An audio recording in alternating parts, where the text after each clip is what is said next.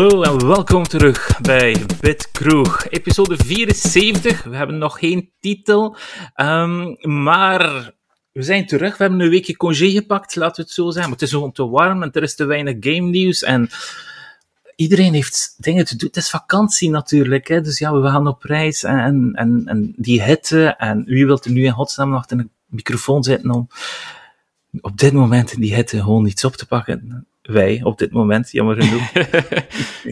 uh, wie zit er vandaag? Heeft er zijn tijd genomen om even een podcast te produceren samen met mij? Dat is Robbie. Hallo Robbie, hoe is het met u? Hallo. Uh, ik, ik heb nog niet uh, perfecte noise cancelling op mijn microfoon staan, dus mijn fan staat gewoon af en ik ga beginnen zweten naar gelang dat de ah, episode vordert. Ja, Als we u zullen zien smelten, zullen we een ambulance bellen voor u, uh, Ja. en dokter Hoen, hoe is het met u? Hallo. Alles goed, alles goed. Warm, maar dat is een cliché, dus ja, nee, goed. Alles, alles in orde. Oké. Ah, het, is, het is warm. En ja, dit is twee weken geleden inderdaad episode opgenomen met een quiz zelfs en met een heel debat over mogen dieren wel of niet in videogames eh, ja, sneuvelen of getortured worden of weet ik veel wat. Dat hebben we allemaal besproken, maar dat is allemaal verloren gegaan. Dus we gaan dat wel een keer in de toekomst wel een keer herhalen, die discussie. Misschien op het einde van deze episode, waar we hebben de vraag ook gesteld. Ja. ja, voilà. Maar we gaan eerst een keer babbelen over wat dat we zitten spelen hebben. Hè. En, uh, en dit weer is maar één game die past. En dat is Power Wash Simulator. Kijk, um, ik, ik ben nog altijd aan het spelen. Ik vind het fantastisch. Dat is juist was ik aan het wandelen van, van de, de lijzen hier in de buurt. En ik kijk zo naar de huizen. En ik zie zo van die bruine streepjes daar hangen. Ik zeg van, ja, ja. dat moet toch echt een keer gepoweredwashed worden. Hè? Dus uh, je kunt al raden hoeveel uur dat ik erin gestoken heb. Ik zit al redelijk ver, moet ik wel zeggen. Uh, ik heb bijna alles unlocked. Ja, ik heb alles gekocht, al, sowieso. Dus, dus, uh, maar de levels worden wel leuker en leuker al, ja, soms zit er wel een huis tussen voor de zoveelste keer. Maar nu is het wel aan het variëren. Dat ik wel zeg van, oh, dat is wel cool aan het worden. Uh, maar ik zie Dr. Hoen het ook zitten spelen. Hè.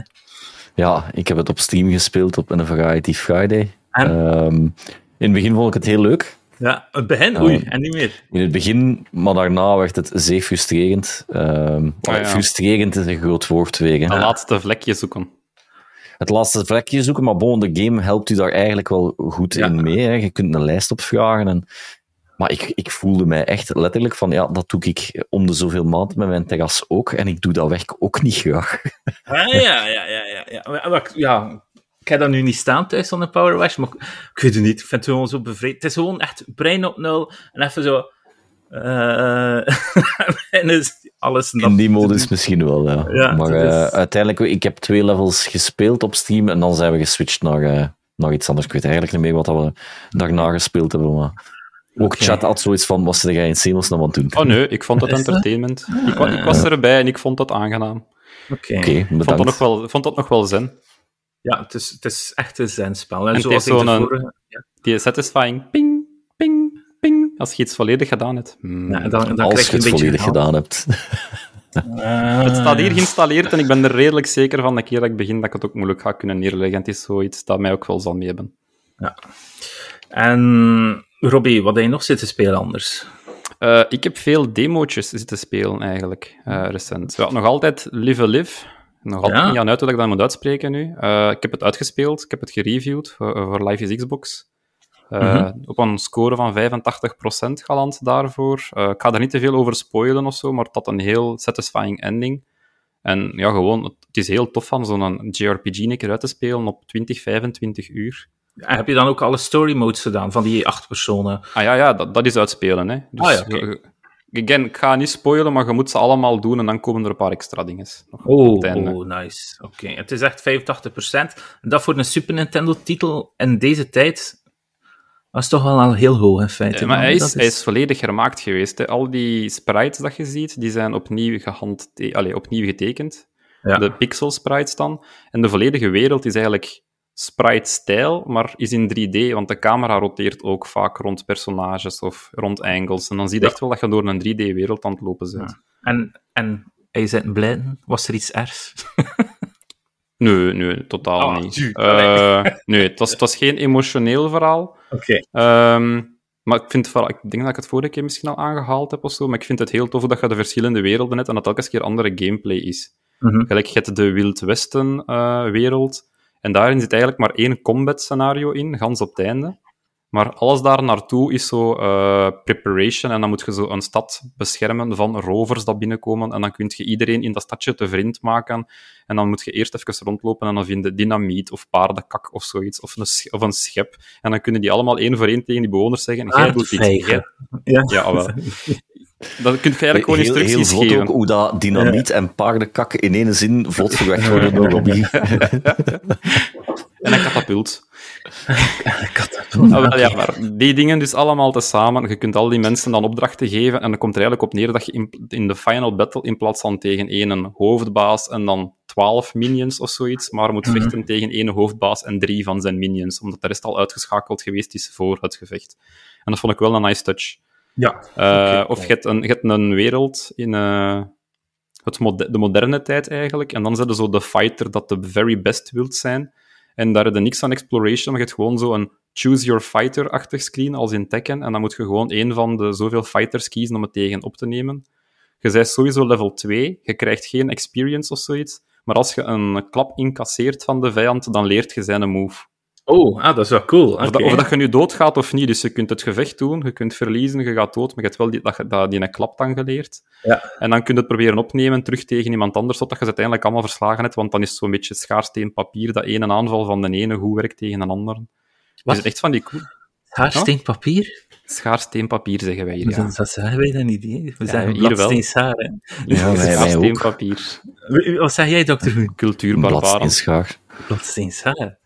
Het zal wel zijn. Gaan we het een keer doen? Bladsteen Maar wel, ja, het is Misschien goed. niet zo, niet zo handig op een podcast. Ja, maar eh. is wat ik... Bladsteen schaar. Schaar. Ah, Allee, drie schaar. schaar, wat de hel? We zijn in sync, we zijn in sync. Amai, oké. Voor de mensen die, die nu luisteren, we zijn ook bezig met de webcam. Dus eh, we, we kunnen nu meer eh, interacten met de webcam. Ook kunnen we ons vingertje opsteken van, nee, ik wil iets zeggen, of dit of dat. We zijn weer aan het probleem met Zencaster trouwens. Maar we hebben Robbie zijn connectie even onder de loep eh, gekeken om te kijken of dat ging werken. Nu gaat het wel werken, maar we hebben ook een backup liggen op de Ja. achterkant. Aan aanraden van Dr. Who natuurlijk, die is een beetje tech-savvy daar. Eh, voor mij was het de vorige keer, ja, maar gaat het wel doen, het zal wel goed komen, maar het was niet goed gekomen. Nou, maar Dr. Hoen, wat zit jij aan het spelen naast Power Simulator, uw eh, Friday geweest? hè? Ik ben begonnen met Sweet Transit, een game dat een tweetal weken geleden in Early Access is uitgekomen. Eh, en op mijn radar verschenen is door een tweet van het Factorio-team, die, Oh. eh, die de aankondiging van de Early Access eh retweeten. Blijkbaar is het een ex-developer van, van hun studio, Ja. die nu zijn eigen game uitbrengt. En je kan het best vergelijken met een stukje Rail, rail Road Tycoon meets Anno, eh, de Anno-reeks. Dus je bouwt een stad uit die ja, een, een soort van economie eh, heeft. Eh, Maar sommige van de dingen kunnen niet in de stad geproduceerd worden, moeten ja, weg van de stad geproduceerd worden, dan obviously. Maar de enige manier waarop dat je het in je stad krijgt, is via de trein. Een beetje like Dus, eh, de dan. enige grote transport, dus er, is, er zijn geen wegen. Het gaat, er, zijn wel, er zijn wel wegen in uw stad zelf. Mhm. Dus de- alles moet ook wel geconnecteerd zijn. Ehm, in de stad zelf. De mensen moeten onder andere ook tot aan het station geraken, anders worden ze niet vrolijk en dan kunnen ze niet naar het werk. Dus het is ook het een hele management van enerzijds, mijn mensen moeten van, van een trein naar hun werk geraken en terug hè, in een speciale trein. Dus je hebt ook heel veel verschillende soorten wagons in dat spel. Ehm, en dan moet je gaan schedulen. Hè. Dus die een trein moet van daar naar daar, die een trein moet van daar naar daar. Ja. En natuurlijk, hoe, hoe meer treinen dat er op je netwerk komen, hoe, Hoe meer dat je met files zit. Ja. En, dus dan moet je dat gaan optimaliseren.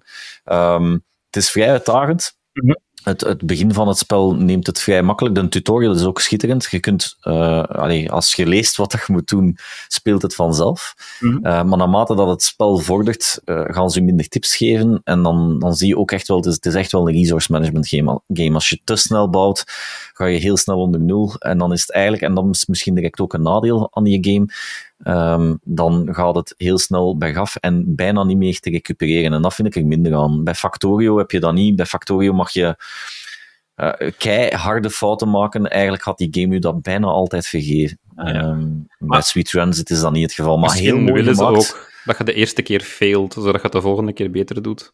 Ja, er, er zit wel een, een, een, een, ja, een soort van, hoe moet het noemen, roguelike uh, effect in. Uh, in die zin dat de eerste paar mappen uh, heb, ik, heb ik ook regelmatig opnieuw gestart gewoon. Van oké, okay, mm -hmm. ik ga het een keer anders proberen, ik ga een keer zo proberen, een keer zo. En dan deed je wel heel snel van oké, okay, daar moet je echt wel op letten, dit is minder relevant. Ja. Hier zijn het te, te hard gegaan, hier niet genoeg. Dus uh, ja, een hele leuke resource. Voor mensen die, die heel graag uh, ja, planning games spelen, uh, met, een, met een citybuilder touch, heel leuk. En mij doet het heel hard denken aan mijn kindertijd. Ik weet niet of dat jullie dat nog gedaan hebben, maar ik had een Marklin set. Ik weet niet of dat jullie dat kennen, maar dat, is, dat, is, dat zijn, dat zijn schaalmodeltreintjes. Mm -hmm. Dus ik, voor mijn eerste communie kreeg oh. dat van mijn grootmoeder, zo, zo klein, een klein setje. Hè. Echt niet groot, maar ik heb er uren mee gespeeld. Okay. Ja. En dat was ook eigenlijk, naarmate, dus iedere nieuwjaar vroeg ik nieuwe stukjes bij. Um, dus uiteindelijk is dat, ik heb dat toch, toch een jaar of, of 7, 8 volgehouden. Dus dat ja. Uiteindelijk wel een mooie set. En dan was dat ook, ja, je banen leggen en een keer kijken als ik de trein zo laat rijden, hoe gaat dat? En bij deze game heb ik dat gevoel ook. Cool. Okay. Uh, dus het is echt wel leuk om te spelen. Echt een aanrader voor mensen die, die van dat soort uh, games houden. Mijn, mijn vorige buurman die, uh, was er ook neig mee bezig met die modeltreintjes, in zover dat een gans zijn zolderkamer gerenoveerd had. En dan ging dat treintje zo door een opening in zijn kalkmuur dat hij gemaakt heeft, voor in die andere kamer eruit te komen en zo. Ja, ja, cool. Sweet Transit. Het is enkel op uh, Steam Team. of op Epic? Ja, okay. Het is Early Access nog. Ah, oké. Okay, ja, dus misschien daarmee dat het af en toe nog niet, niet volledig lukt, natuurlijk. Ja, dus... Nee, klopt. En allee, je ziet ook wel weer, nu, ja, die, die, die man die het schrijft, komt uit een huis waar dat, uh, ten eerste luisteren naar de community vooraan staat, ja. en ten tweede je game optimaliseren totdat ze echt is zoals dat voilà. moet zijn. Mm -hmm. Dus ik, ik maak mij ook geen zorgen in het feit dat er genoeg patches gaan okay. komen op die game. Maar dus, dus met andere die... woorden, dus binnen 30 jaar, hè, als we op pensioen zouden zijn, hè, stel je voor dat gaat geen 30 jaar meer duren. Ja, maar ik weet, maar ja, bedankt voor met te flatteren. met de tijd hoe dat we ons pensioen iedere keer opschuiven, misschien wel, maar dat maakt, dat maakt nu niet uit. Maar ik bedoel, dan weten we wat dat we jij nu ver, garage gaan mogen verwachten. Zo'n hele Marklin set. Het zal wel zijn. Had u dan wel met iets moeten bezighouden, natuurlijk. Hè? En, nu, ik moet wel zeggen, die set van toen is totaal meer compatibel met de dingen ah, ja, die ze nu uitbrengen. Hè. Er is nog een ja, tijd geweest dat je Dat hebben ze weer slim gezien, die snowdarts. Ja, maar nu, nu, is dat ook allemaal zeer digitaal. Dus bij mij was dat nog vrij analoog. Je zet stroom op je spoor en dan rijdt u een trein en je zet de, de stroom af en het is gedaan. En dat ja. werkte met een regelaar, dus de snelheid konden wel regelen. Ja. Maar tegenwoordig kun je echt je wissels gaan aansturen en zo. In die, in die ja, sets, maar kost ook stukken van mensen eigenlijk. Dus dat, is, dat is vrij duur. Hij is bezig met Martin, ik ben bezig met Lego. Ja, ja, oké. Okay. Het komt allemaal weer terug uit. Als we dat combineren, goed, dat krijgen we mooie dingen. nu, ja, wat ik nog... Ja, ik heb niet zoveel zitten spelen eigenlijk. Uh, ik, well, niet zoveel, dat is relatief. Ik heb heel veel multiversus versus zitten spelen. Uh, ik heb het er vorige keer al over gehad. Ik zit ondertussen 300 matchjes ver. Ik, ben, ik zit in de top 20.000 van de 10 miljoen spelers. Ik heb niet uh, veel gespeeld, zegt hem. Ja, 300 matches. Of 400 matches. 300 of 400, een van de twee. ik heb een 100% winrate. Uh, hm? Van de laatste 50 matches. Ah. Wat? Ja, nog nooit verloren? Ja, een single player. Dus 1 tegen 1, hè. Dus dat is... Maar dat is goed, hè, Rutger, want ik heb begrepen als je verliest dat je toxisch wordt. Dus. Voilà, dat is... Dus, uh, en uh, dat klopt volledig. dat is erg genoeg. Um, nu, nu, welke characters pak ik, voor de mensen die geïnteresseerd zijn? Ik wissel af, dus ik pak zelf niet eentje. Dus ik wissel tussen Harley Quinn, Superman, Garnet... En af en toe uh, Iron Giant steek ik er nu ook tussen. Dus het is wel, ik vind het fantastisch. En binnenkort komt een hele nieuwe Battle Pass. Volgende week, ze hebben die even een week opgeschoven. Uh, ik weet niet wat het er gaat in zitten. Ik weet wel dat Rick en Morty speelbaar gaan zijn. Dus uh, die ga ik sowieso ook proberen. Want Rick gaat natuurlijk met zijn portals. Ik weet niet of dat jullie fan zijn natuurlijk. Maar Rick gaat met zijn portals kunnen spelen. Ik hoop niet dat RNG is. Dat je niet weet dat het altijd hetzelfde is wat uit er een portal komt. Want als het RNG is, dan is dat geen look character natuurlijk. Hè. Vooral in de fighting game. Als je, als, en, en heb de skins in die game? Ja, het zal wel zijn. Dan moet je toch Pickle Rick kunnen pakken ook. Hè? Ik heb Pickle Rick gezien als skin, dat is al geleakt. Ja. Natuurlijk kost dat wel 20 euro, hè. het is Fortnite ah, ja. natuurlijk. Ja, ah, ja. ja. Al de rest is gratis, maar de skin kost 20 Lex euro. 20 euro voor de skin. Oeh, dat is veel geld, hè. Dat, vind ik dat is veel geld voor de skin, ja. En 10 euro van een Battle Pass, wat dat er ook een skin in zit. Ja, meerdere skins in zit uiteindelijk. Dus ik denk wel dat je met die Battle Passes goed zit. Maar de value van een Battle Pass begrijp ik meestal nog. Hè. Die game wordt, die blijft onderhouden worden, dus de developers moeten ergens hun revenue halen. Dus dat, dat snap ik. Mm -hmm. Maar een skin van 20 euro, dat vind ik er altijd door. Oh, maar misschien dat ik het ooit wel ga doen. Hè. Ik heb altijd gezegd, als in Fortnite een Kiryu-skin van Yakuza zit, ga ik ervoor gaan. Uh, dat is het enige. En dan misschien in deze wil ik wel een classic, ja, Batman natuurlijk, hè, van de animated series natuurlijk. Hè. Dat, is, uh, dat is iets wat aan mij nou aan het hart ligt. Um, maar ja, ja, multiversus. Het is van Warner Brothers. Er gaat van alles nog tussen komen. Meer characters van Game of Thrones. Waarschijnlijk meer ja, Batman-characters en zo verder. Dus, dus ik hoop op het beste. En sowieso komt Sub-Zero ook nog blijkbaar. En die dingen. En je weet, zoals in Fortnite ook. Uiteindelijk kwam daar ook uh, Master Chief in. En God of War, dus Kratos. Dus, dus als dat ja, als multiversus zo populair blijft, hè, 10 miljoen spelers zijn niet niks, dan denk ik dat veel mensen op die trein wel gaan springen om het uh, in de treinsector te laten. Mooi bruggetje.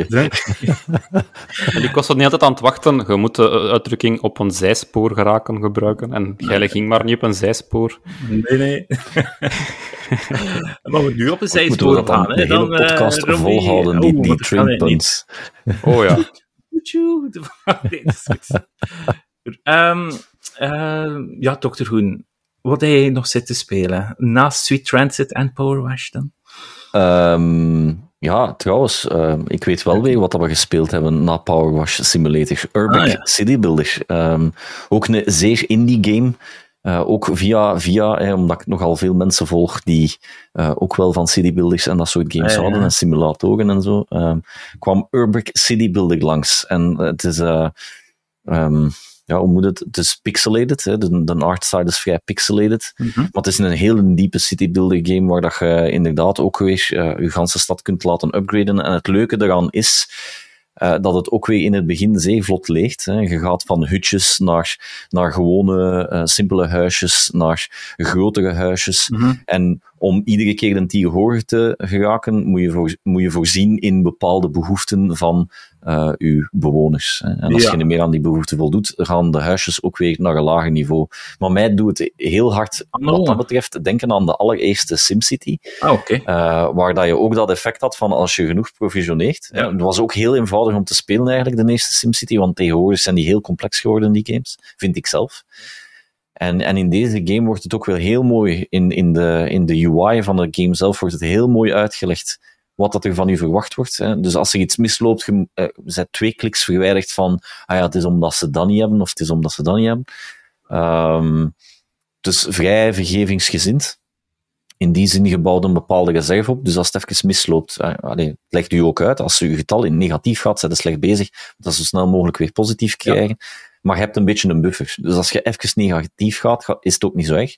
Bovendien staat er de modus aan in de game die u niet toelaat van dingen te bouwen die u nog negatiever zouden trekken. Ah, oké. Okay. Dus als je ja. gaat uitbreiden, maar eigenlijk kun je dat niet permitteren, uh, dan gaat de game u tegenhouden. Ja. Um, de artstyle is zeer pixelated, zoals ik zei. Dus, dus een isometrische view. Uh, ja, maar de meeste, uh, maar eigenlijk wel, wel vrij crisp gedaan. Dus niet zo de, de over-the-top uh, pixel art style. Maar een beetje te vergelijken met, met Minecraft, maar dan isometrisch. Mm -hmm. hele leuke game en, en ook niet heel duur. ik zal moeten gaan kijken hoeveel dat hem kost. Ja. maar ik denk maar iets is, van een 20 euro. te vergelijken in feite dan met, met de Annos in feite? Of een constructor of zo? Ik weet niet of je dat speelde vroeger, die constructor? Nee, constructor heb ik nooit gespeeld. Oh, hij heeft lang op mijn radar gestaan, maar ja. Ja, het zijn er zoveel uiteindelijk. En het komt ja. er altijd uit. Je ziet dat er nu ook zo'n Civilization-kloon binnenkort uit gaat komen. Dus, dus ja, ja, dat staat ook niet stil natuurlijk. En, en ben ik blij... heb de indruk dat citybuilders in het algemeen, hè, dus, dus dat soort games echt wel in de lift zitten. Hè. Ja, ja voilà, en dat bouwt elkaar altijd op. dat, dat, oh nee, ga. Choo-choo. Ja, um, Robbie, wat heb jij nog eens spelen? Wel, zoals ik al eerder zei, veel, veel demo's, eh, waaronder een paar leuke. Eh, Unpetrified, dat was niet erg optimized, als in, zoals veel eh, indie-demo's zijn nog voordat ze uitkomen. Maar het idee erachter was wel tof gespeeld als een golem dat rondloopt in een wereld en dan kun je zo bloemetjes doen groeien. Eh, en als je die dan helpt, dan, krijgt, dan verdient je zo één bloemetje dat op u groeit en zoiets. Of je interact met zo'n lieve heersbeestje en dan vliegen die in hartvormpje rond, rond u. Het is zo heel wholesome en tof. Mhm. En dat je dan boven op een berg staat, kun je ook naar beneden rollen als golem. Dat is wel dat is tof. Oké. Het is chill, het is alleen maar een demo, maar ik denk wel van als die een game een beetje polish krijgt en een beetje optimization, zodat dat een toffe release gaat worden. Ja. Eh, dan heb ik Greed Inventory gespeeld. Ehm, dat is een side-scrolling point-and-click slash battle sim. Ik weet echt niet hoe ik het moet noemen, de combinatie. Eh, je stapt van links naar rechts, maar je interact met de wereld als in dat je een point-and-click zou doen. En als het dan in combat is, dan moet je wel blokken op de juiste plaats op je scherm of aanvallen op de juiste plaats en bleed gebruiken of zo. Eh, het is pixelated. De setting is in een. Eh, er was ooit een held die alle magische voorwerpen of te sterke voorwerpen gewoon in de vulkaan gaan smijten is, want hij wou niet dat mensen er toegang toe hadden. Mhm. Ehm, vandaar de greed dus. Dan is een ganse orde ontstaan rond die een held en uiteindelijk mag niemand nog magische voorwerpen hebben. En dan, dan eindigt het verhaal, is er zo'n soort van invasion in het huis van de persoon dat aan het vertellen is. En dan zegt hem, wel neef, nu is dat nu. En hij zet u een helm op uw kop, dat direct uw hoofd toe beginnen bloeien. En hij geeft u een imp mee op uw rug en een magisch coin. En hij zegt, trek maar Ja. de wereld in. En dan gaat hij nu ondergoed door de wereld. Eh, het is vooral vol met puns, wat dat jij wel snapt dat ik kan appreciëren. Ehm, en heel luchtig en tof verteld gewoon. De gameplay combat vind ik minder mijn ding, aangezien dat het niet echt turn-based is en je bij de meeste mensen gewoon zo, allee, bij een vijand gewoon kunt doen klik, klik, klik, klik, klik, klik, klik, klik, klik, en dan doe je meer damage dan dat je traag zou klikken. Mhm. Allee, het is een beetje gewoon spammen van aanval dan, dus dat is niet zoveel diepgang dat daarin zit. Maar de, de wereld is tof en de verhaallijn is tof gedaan. En eh, ook Bounty of One teruggespeeld. En ik weet nog niet dat je mag gespeeld hebt, Rutger, want ik blijf het u maar zeggen dat je het moet doen als Vampire Survivor van. Ja, ja. Eh, maar hij is nu in Early Access. En eh, op zich lijkt dat niet veel verschil te hebben van de demo dat ik gespeeld heb. Als in, je kunt spelen tot aan een eerste baas en dan een high score. En dan nadien is het gewoon, wilt je verder spelen? Oké, en dan gaat de game gewoon verder, maar het trekt je high score niet meer. Maar nu kan ik wel verschillende mannetjes spelen en testen en zo. En mijn eerste beeld dat ik had, vond ik al direct heel tof, want dan hadden zo, eh, in plaats van één ammo dat ronduit ging, hadden dan gelijk tien eh, pijlen dat uit u vertrokken. En had ik zo'n Ja. upgrade gepakt van, nadat ze de, eerste, de tweede vijand raken, keren ze terug naar u en hebben ze pass-through. En dan zag ik echt zo constant zo projectiles Ja, ja, ja. uit u gaan en terugkomen. En zo zelf, hè. invincible. Ah, cool. Ja, het is, het is echt heel, heel vergelijkbaar met Vampire Survivors, maar de grootste verschillen zijn ja, het Wilde Westen thema. Het is van België, Eh, ja. Het is van België. Als je stilstaat, dan pas schiet je, dus niet terwijl je rondloopt. Dat is wel een beetje een moeilijke om aan te wennen. Eh, en wat ik ook altijd de vorige keer vergeten te melden was, is dat je deze met vier man co-op kunt spelen. Oh, dat is wel leuk, ja. Oké, dat is wel leuk. Dat is een, een leuke inten- intentie om het dan te spelen. Ja. Bounty of One. Kun je het vinden op Steam? Ja, je kunt het vinden op Steam. Ah, er is een gratis demo. Eh, Early Access gaat, denk ik, vanaf 12 augustus van start.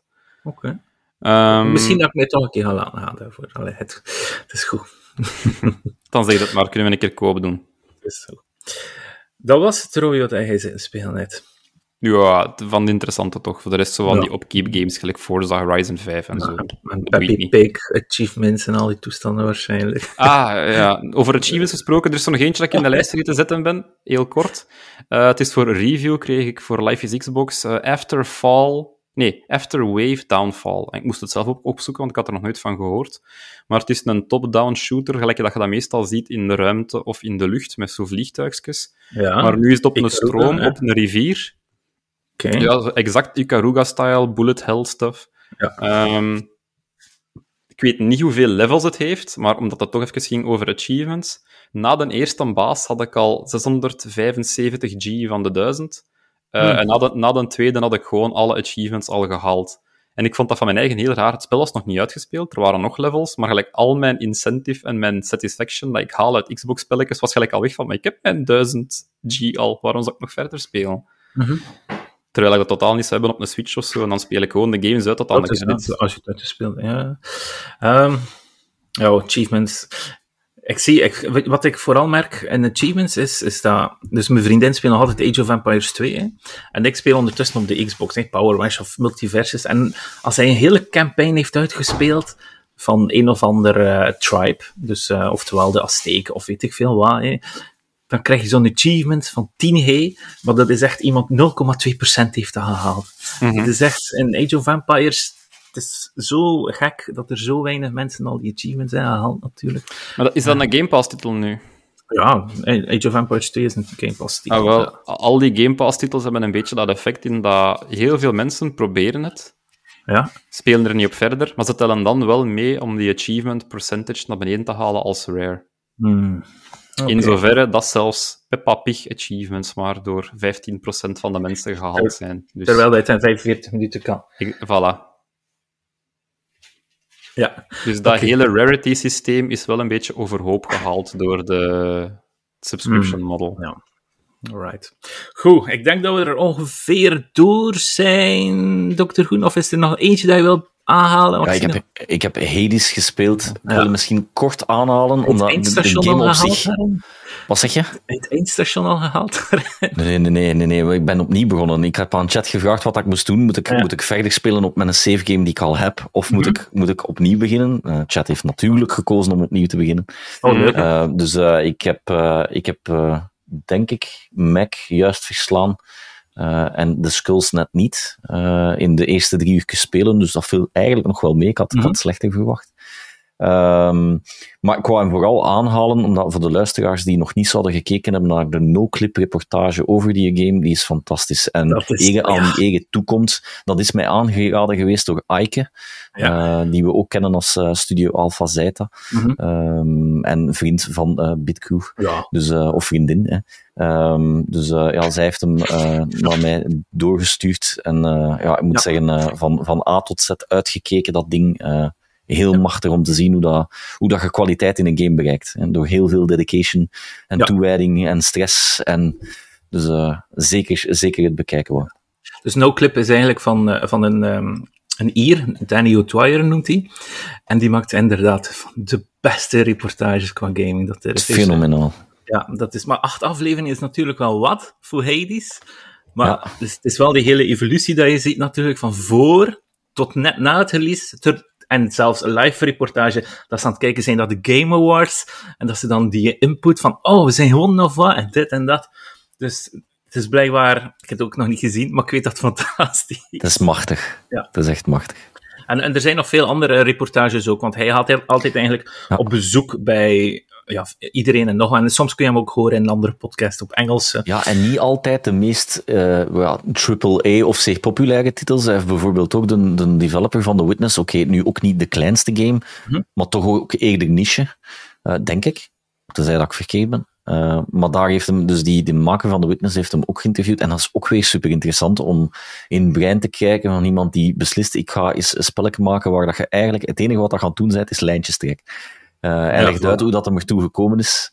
Het heeft te maken met eh, een kleine tip van de sluier met black and white ehm, van in de tijd. En dat hem dat niet zo'n goede mechanic vond van te casten met, met movements, dat dat voor hem geen steek hield. Ja. Maar dat hem het wel een coole mechanic vond. Eh, en dat hem van daaruit dan beginnen nadenken is, hoe kun je dat dan wel in een game verwerken waar dat het wel steek houdt.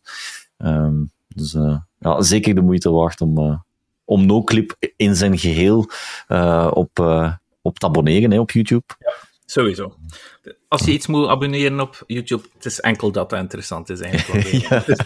Al de rest is bagger. ah ja, en Bloody Good Review, sorry. ik ben al bezig met een clip te doen. zo. ah ja, oké.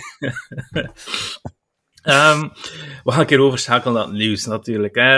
Ja, heel wat nieuws. We hebben nog altijd geen nieuwsjingle. Het is juist, we hebben dat een keer aangehaald dat we dat moeten steken. Hè, voor het weer de, zo een beetje de flow te breken. We gaan er een keer, eh, een keer een ideale tune voor vinden. Ik heb er wel nog drie staan. Maar ik zal wel zien wat dat er beter past. Maar hoe? Als even sidetracken. Hè? En je gaat door, hè? Ehm, Zijspoor. Mhm. Ja, ja. 2K heeft... Ah ja, ja, juist. 2K, dat is die gasten van GTA, maar ze zijn ook bezig in feite met die Marvel um, XCOM-achtige titel, Midnight Suns. Ik weet niet of dat jullie daar naar uitkijken. Ik begin er wel warm voor te lopen. Ik moet wel zeggen dat ik dat goud-zwarte kostuumjes van onze favoriete helden, dat ik dat eigenlijk niet zo cool vind. Ik heb liever gewoon de klassieke kostuumjes. Ik weet niet of dat jullie daarmee eens zijn of niet, maar... Ja, ik denk dat je waarschijnlijk wel andere dingen zult kunnen equippen, maar het is zo story-related als in... Ja, maar deze zo'n... oude Egyptische deities komen nu aanvallen en alleen deze kostuumjes kunnen u er tegen helpen. Oh nee, is het zo? Oké, dat is het. Ja, dat is, dat is de setup. Dat is de reden waarom ze allemaal dat zwart-goud kostuumje dragen. Oké, dat is uh, opgehaald. Dat wist ik helemaal niet. Dus, het is op, ja. dus waarom dat we deze game aanhalen, is eigenlijk omdat... Ja, het is uitgesteld, hè. Naar... Ik weet niet. defined. Ja. Het gaat nog uitkomen eind van hun fiscaal jaar. Maar dat kan dus ook even goed februari, maart volgend jaar zijn. Voilà. En voor de rest, ja, als ik me nu nog even nadenk over het nieuws dat we de vorige keer aangehaald hebben, dat was toen dat Jeff Grubb al die rumors had gezegd. Dus hij had zo verteld dat er een Iron Man game in de maak is, en dat er een Black Panther game in de maak is. Allemaal van, alle twee van EA wel te verstaan. Ik weet niet. Ik weet niet. EA maakt wel goede games, hè. pas op, hè. die Star Wars. Veel mensen denken nu direct aan bagger als ze denken aan EA. Dat is niet helemaal terecht, vind ik persoonlijk. Als ze kijken naar uh, Respawn Studios, wat dat ze allemaal produceren met Jedi Fallen Order en Titanfall, dat zijn, dat zijn kleppers, hè. Dat, is, dat, is, dat zijn echt goede games is de hele hetze niet een beetje begonnen, onder andere met Battlefront 2, waar dat die lootbox uh, ja, klopt. meer niet zo kosher. En eenmaal dat al die lootboxes eruit waren, oh ja, ze waren er niet uit, maar ze waren veel makkelijker te verdienen, die items uiteindelijk. Ja, ze waren gewoon fair en je, je, moest ze ook niet hebben om, om goed te zijn in die game. Uh, dus ze hebben, dat, ze hebben dat aangepast, alleen natuurlijk met de polarisatie op het internet. Uh, Zijn mensen zeer snel met kritiek geven, maar zijn ze net iets minder snel met, met te zeggen, ah, maar kijk, je bent gediend, hè, je, hebt, je hebt geluisterd naar ons en het is, het is oké. Dus dat, dat gebeurt dan weer net iets minder, wat dat dan wel weer jammer is. Battlefield is natuurlijk ook een, een gigantische ramp. um, gelukkig ben ik niet zo geïnteresseerd in die serie, chance voor mij. Maar ja, dat snap ik wel waarom dat sommigen natuurlijk ja, die EA in die categorie plaatsen. Maar ze hebben ook natuurlijk Mass Effect die trilogie gereleased en iedereen was er ook wel tevreden over uiteindelijk. Dus... Ja, maar het is ook moeilijk. In, in, allee, uiteindelijk, EA is een publisher. Hè. Daar zit ik weet niet veel game studios onder. Voilà. Ja, je gaat, je gaat er goede hebben en je gaat er minder goede hebben. Hè. Ja, dat vind ik ook. Ja. Het is dat. Um, ja, nu maar Iron Man of Black Panther? Welke zou je eerst kiezen? Iron Man. De... Die kan vliegen, hè? Ja? Ja, ja, ja, dat klopt, dat klopt, dat klopt. Ja, nee, het is waar. Dat zou ook wel leuker zijn. En die cockiness van, van Stark is natuurlijk wel ook heel leuk om in een game te zien, natuurlijk. Als je echt zo cocky kunt zijn en, en die vijanden... Spider-Man is ook een van de beste vijanden, uh, uh, superhelden, omdat hij net ook zo kan praten, hè, omdat hij zo, uh, zo van die sunnige opmerkingen kan maken. Wat dan een Iron Man ook kan, maar een, ja, een Black Panther doet dat natuurlijk niet. net iets serieuzer, hè? Een Black Panther. Ja, ja, dat klopt, dat klopt, ja. In, in die uh, What If vond ik hem wel leuk als ze zo de dingen deden van What If he was um, Star-Lord. Van het, uh, oh ja, ja, dat was cool aflevering. Die was tof gedaan. Oké, okay, Dr. Hoen, kijk jij naar Marvel-toestanden? Ik kijk naar, naar Marvel-toestanden, absoluut. maar misschien niet zo fervent als jullie. Ik heb een serieuze backlog vooral, maar dat is, dat is omdat we een backlog in alles hebben. Ik heb nog steeds Obi-Wan niet uitgekeken. Uh, bijvoorbeeld. Ik ben nog niet begonnen aan Obi-Wan. Gewoon de eerste aflevering en de laatste aflevering is ook goed. Dat is al wel Marvel trouwens, maar Bond zit ook op Disney+. Plus. Ja, dat klopt. Um, en ja, de, de ganse Marvel-cataloog. En ik heb ook een beetje issues met iedere keer dat ik dan kijk naar, naar iets recenter, denk ik, hoe zat dat nu weer? En dan ben ik geneigd van weer naar alles dat ik al ooit eens gezien heb te kijken om weer mee te zijn. Ja, dat, um, het, wordt, het wordt gewoon een gigantische klus om mee te zijn. Dat is het probleem. Ja. Met al die series... En dan nog een keer multiversum dat erin zit. In welk multiversum zitten we nu precies? Ja, en, en, we hebben net Miss Marvel gehad en nu beginnen ze alweer met uh, uh, de She-Hulk-serie. Dus, dus je moet eigenlijk altijd mee zijn. Dat vind ik een beetje vervelend. Als je echt zo alles zo fervent moet volgen. Ja, de eerste fase van Marvel was helemaal fijn, omdat het nog nieuw was. En er zat wel een redelijke tijd tussen die franchises. Hè. Dus het zijn eerst twee uh, Iron Man films die gereleased zijn geweest. En dan pas zijn ze begonnen met al de rest. Oké, de Hulk kwam wel vooraf, maar dat was altijd uh, een ramp.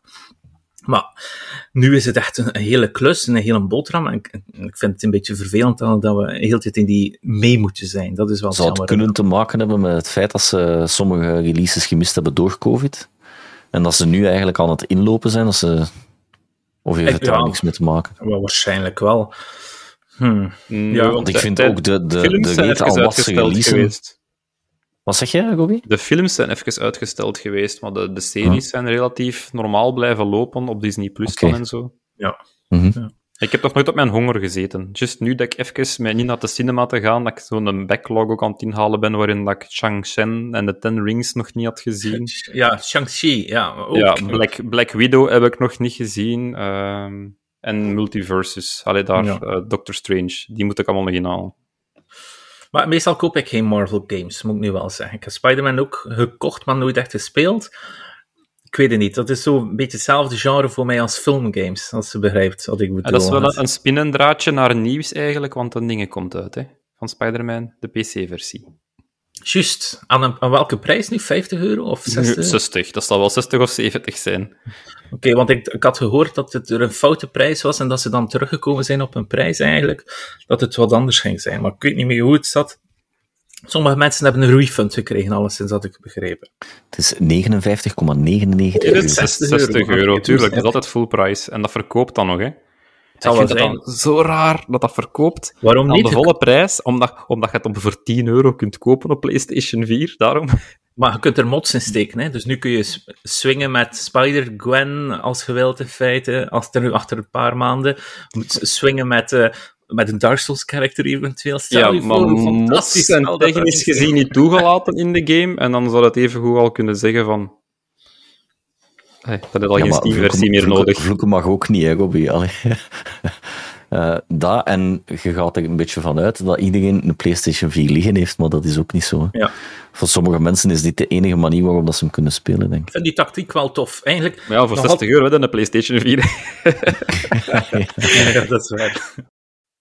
Nu een kleine intermezzo met de eerste reclame op Bitkroeg. Uh, nu ga je een reclametje horen we moeten dat nu ook zeggen tegenwoordig met die hele nieuwe wetgeving natuurlijk. Dus de eerste hashtag ad van Bitkroeg. Of hashtag Bitkroeg ad. Uh.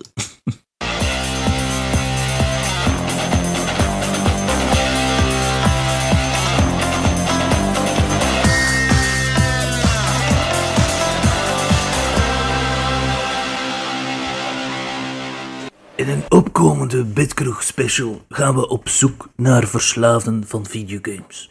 Wie zijn ze, wat doen ze, wat drijft hen? Hier volgt een klein fragment.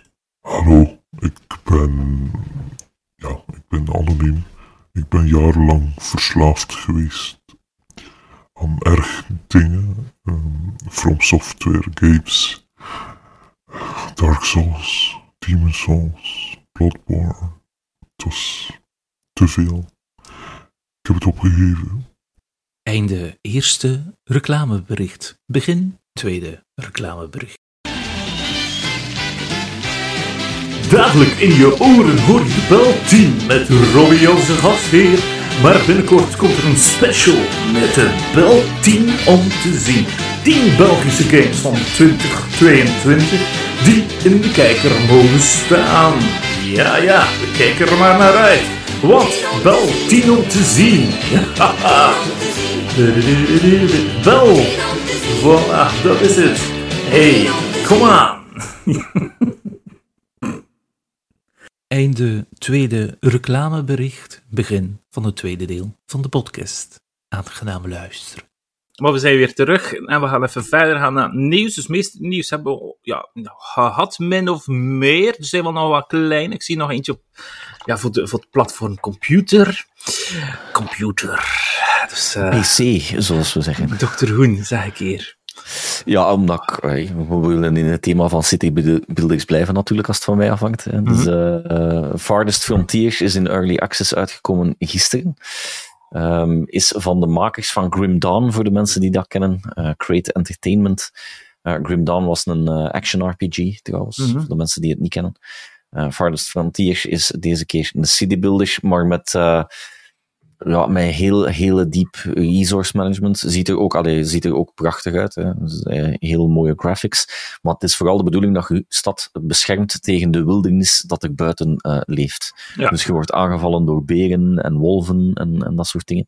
Uh, ook oh vrij realistisch naar landbouw toe. Dus in je stad moet je landbouw gaan doen. Maar als je te veel dezelfde gewassen op je stukje grond teelt, dan wordt je grond uh, ja, uh, niet meer zo Oeh, nee, voedselrijk. En dan moet dus je, moet, je moet echt weer tegen jaar per jaar wat dat gezaaid. Ja, ja. ja oké, okay, dat is wel cool. Ja. Dus, dus dat is een van de dingen die ik al opgepikt heb. Ik heb hem nog niet kunnen spelen, maar ik ben wel van plan van hem te spelen volgende week vrijdag. Ja. Um, dus dan gaan we kijken hoe diep de rabbit hole gaat in die game. Want ik heb, wel, ik heb wel de reviews die ik gelezen heb, zeggen wel van het is wel een, een stevige game qua complexiteit. Voor de mensen die me kennen, ik ben niet veel naar school geweest. Oh ja, vrijwillig. Af en toe ben ik een keer geskipt. Maar dat weet ik wel nog van de lessen, die landbouw. Dat je zo in die, in dat, in die vier stukjes moest landbouwen. Yes. Ik weet niet of dat je dat ooit hebt gehad. Tuurlijk, ja. En dan zo moest je daar... En dat, maar misschien is dat enkel in West-Vlaanderen. Dat kan ook natuurlijk. dat, dat, dat leren daar. Nee, maar ze doen landbouw in de rest van België ook goed. Ah, echt ja, waar. dus het zou wel cool zijn om dat zo in een gamefunctie te zien. Ja, dat vind ik wel tof. Ja. Ja, ja cool. Dus dat is een van de dingen, maar allee, het gaat natuurlijk veel dieper. Je moet, je, moet je stad gaan beschermen tegen die wildlife. In het begin gaat dat natuurlijk een challenge zijn, want je hebt nog niet veel resources. Ah, ja. Okay. Um, ik heb hier komt... zien openklappen in bepaalde teaser-movies en het was daunting. Uh, dus dat is een game dat je niet zo snel gaat, gaat uh, beu zijn over, als je van diepgang houdt. Over games die, die gaan uitkomen. Morgen komt um, dat Evil Saap spelletje uit, hè? Cult of the Lamb. En dat gaat ook zo'n okay. building game-achtige toestand zijn, maar dat je, dat je medebewoners moet opofferen aan een duivel en al die toestanden, wat Animal Crossing geweest. Dat is eentje wat ik wel morgen mee bezig ga houden. Ik denk, Robbie, jij ook misschien? Hmm, Cult of the Lamb? Ik was er wel even aan het opzoeken wat dat jij zoekt van het drie slagstelsel en zo, en zomergraan, wintergraan, braakling. ah, ja. ik wou terug weten hoe dat ging.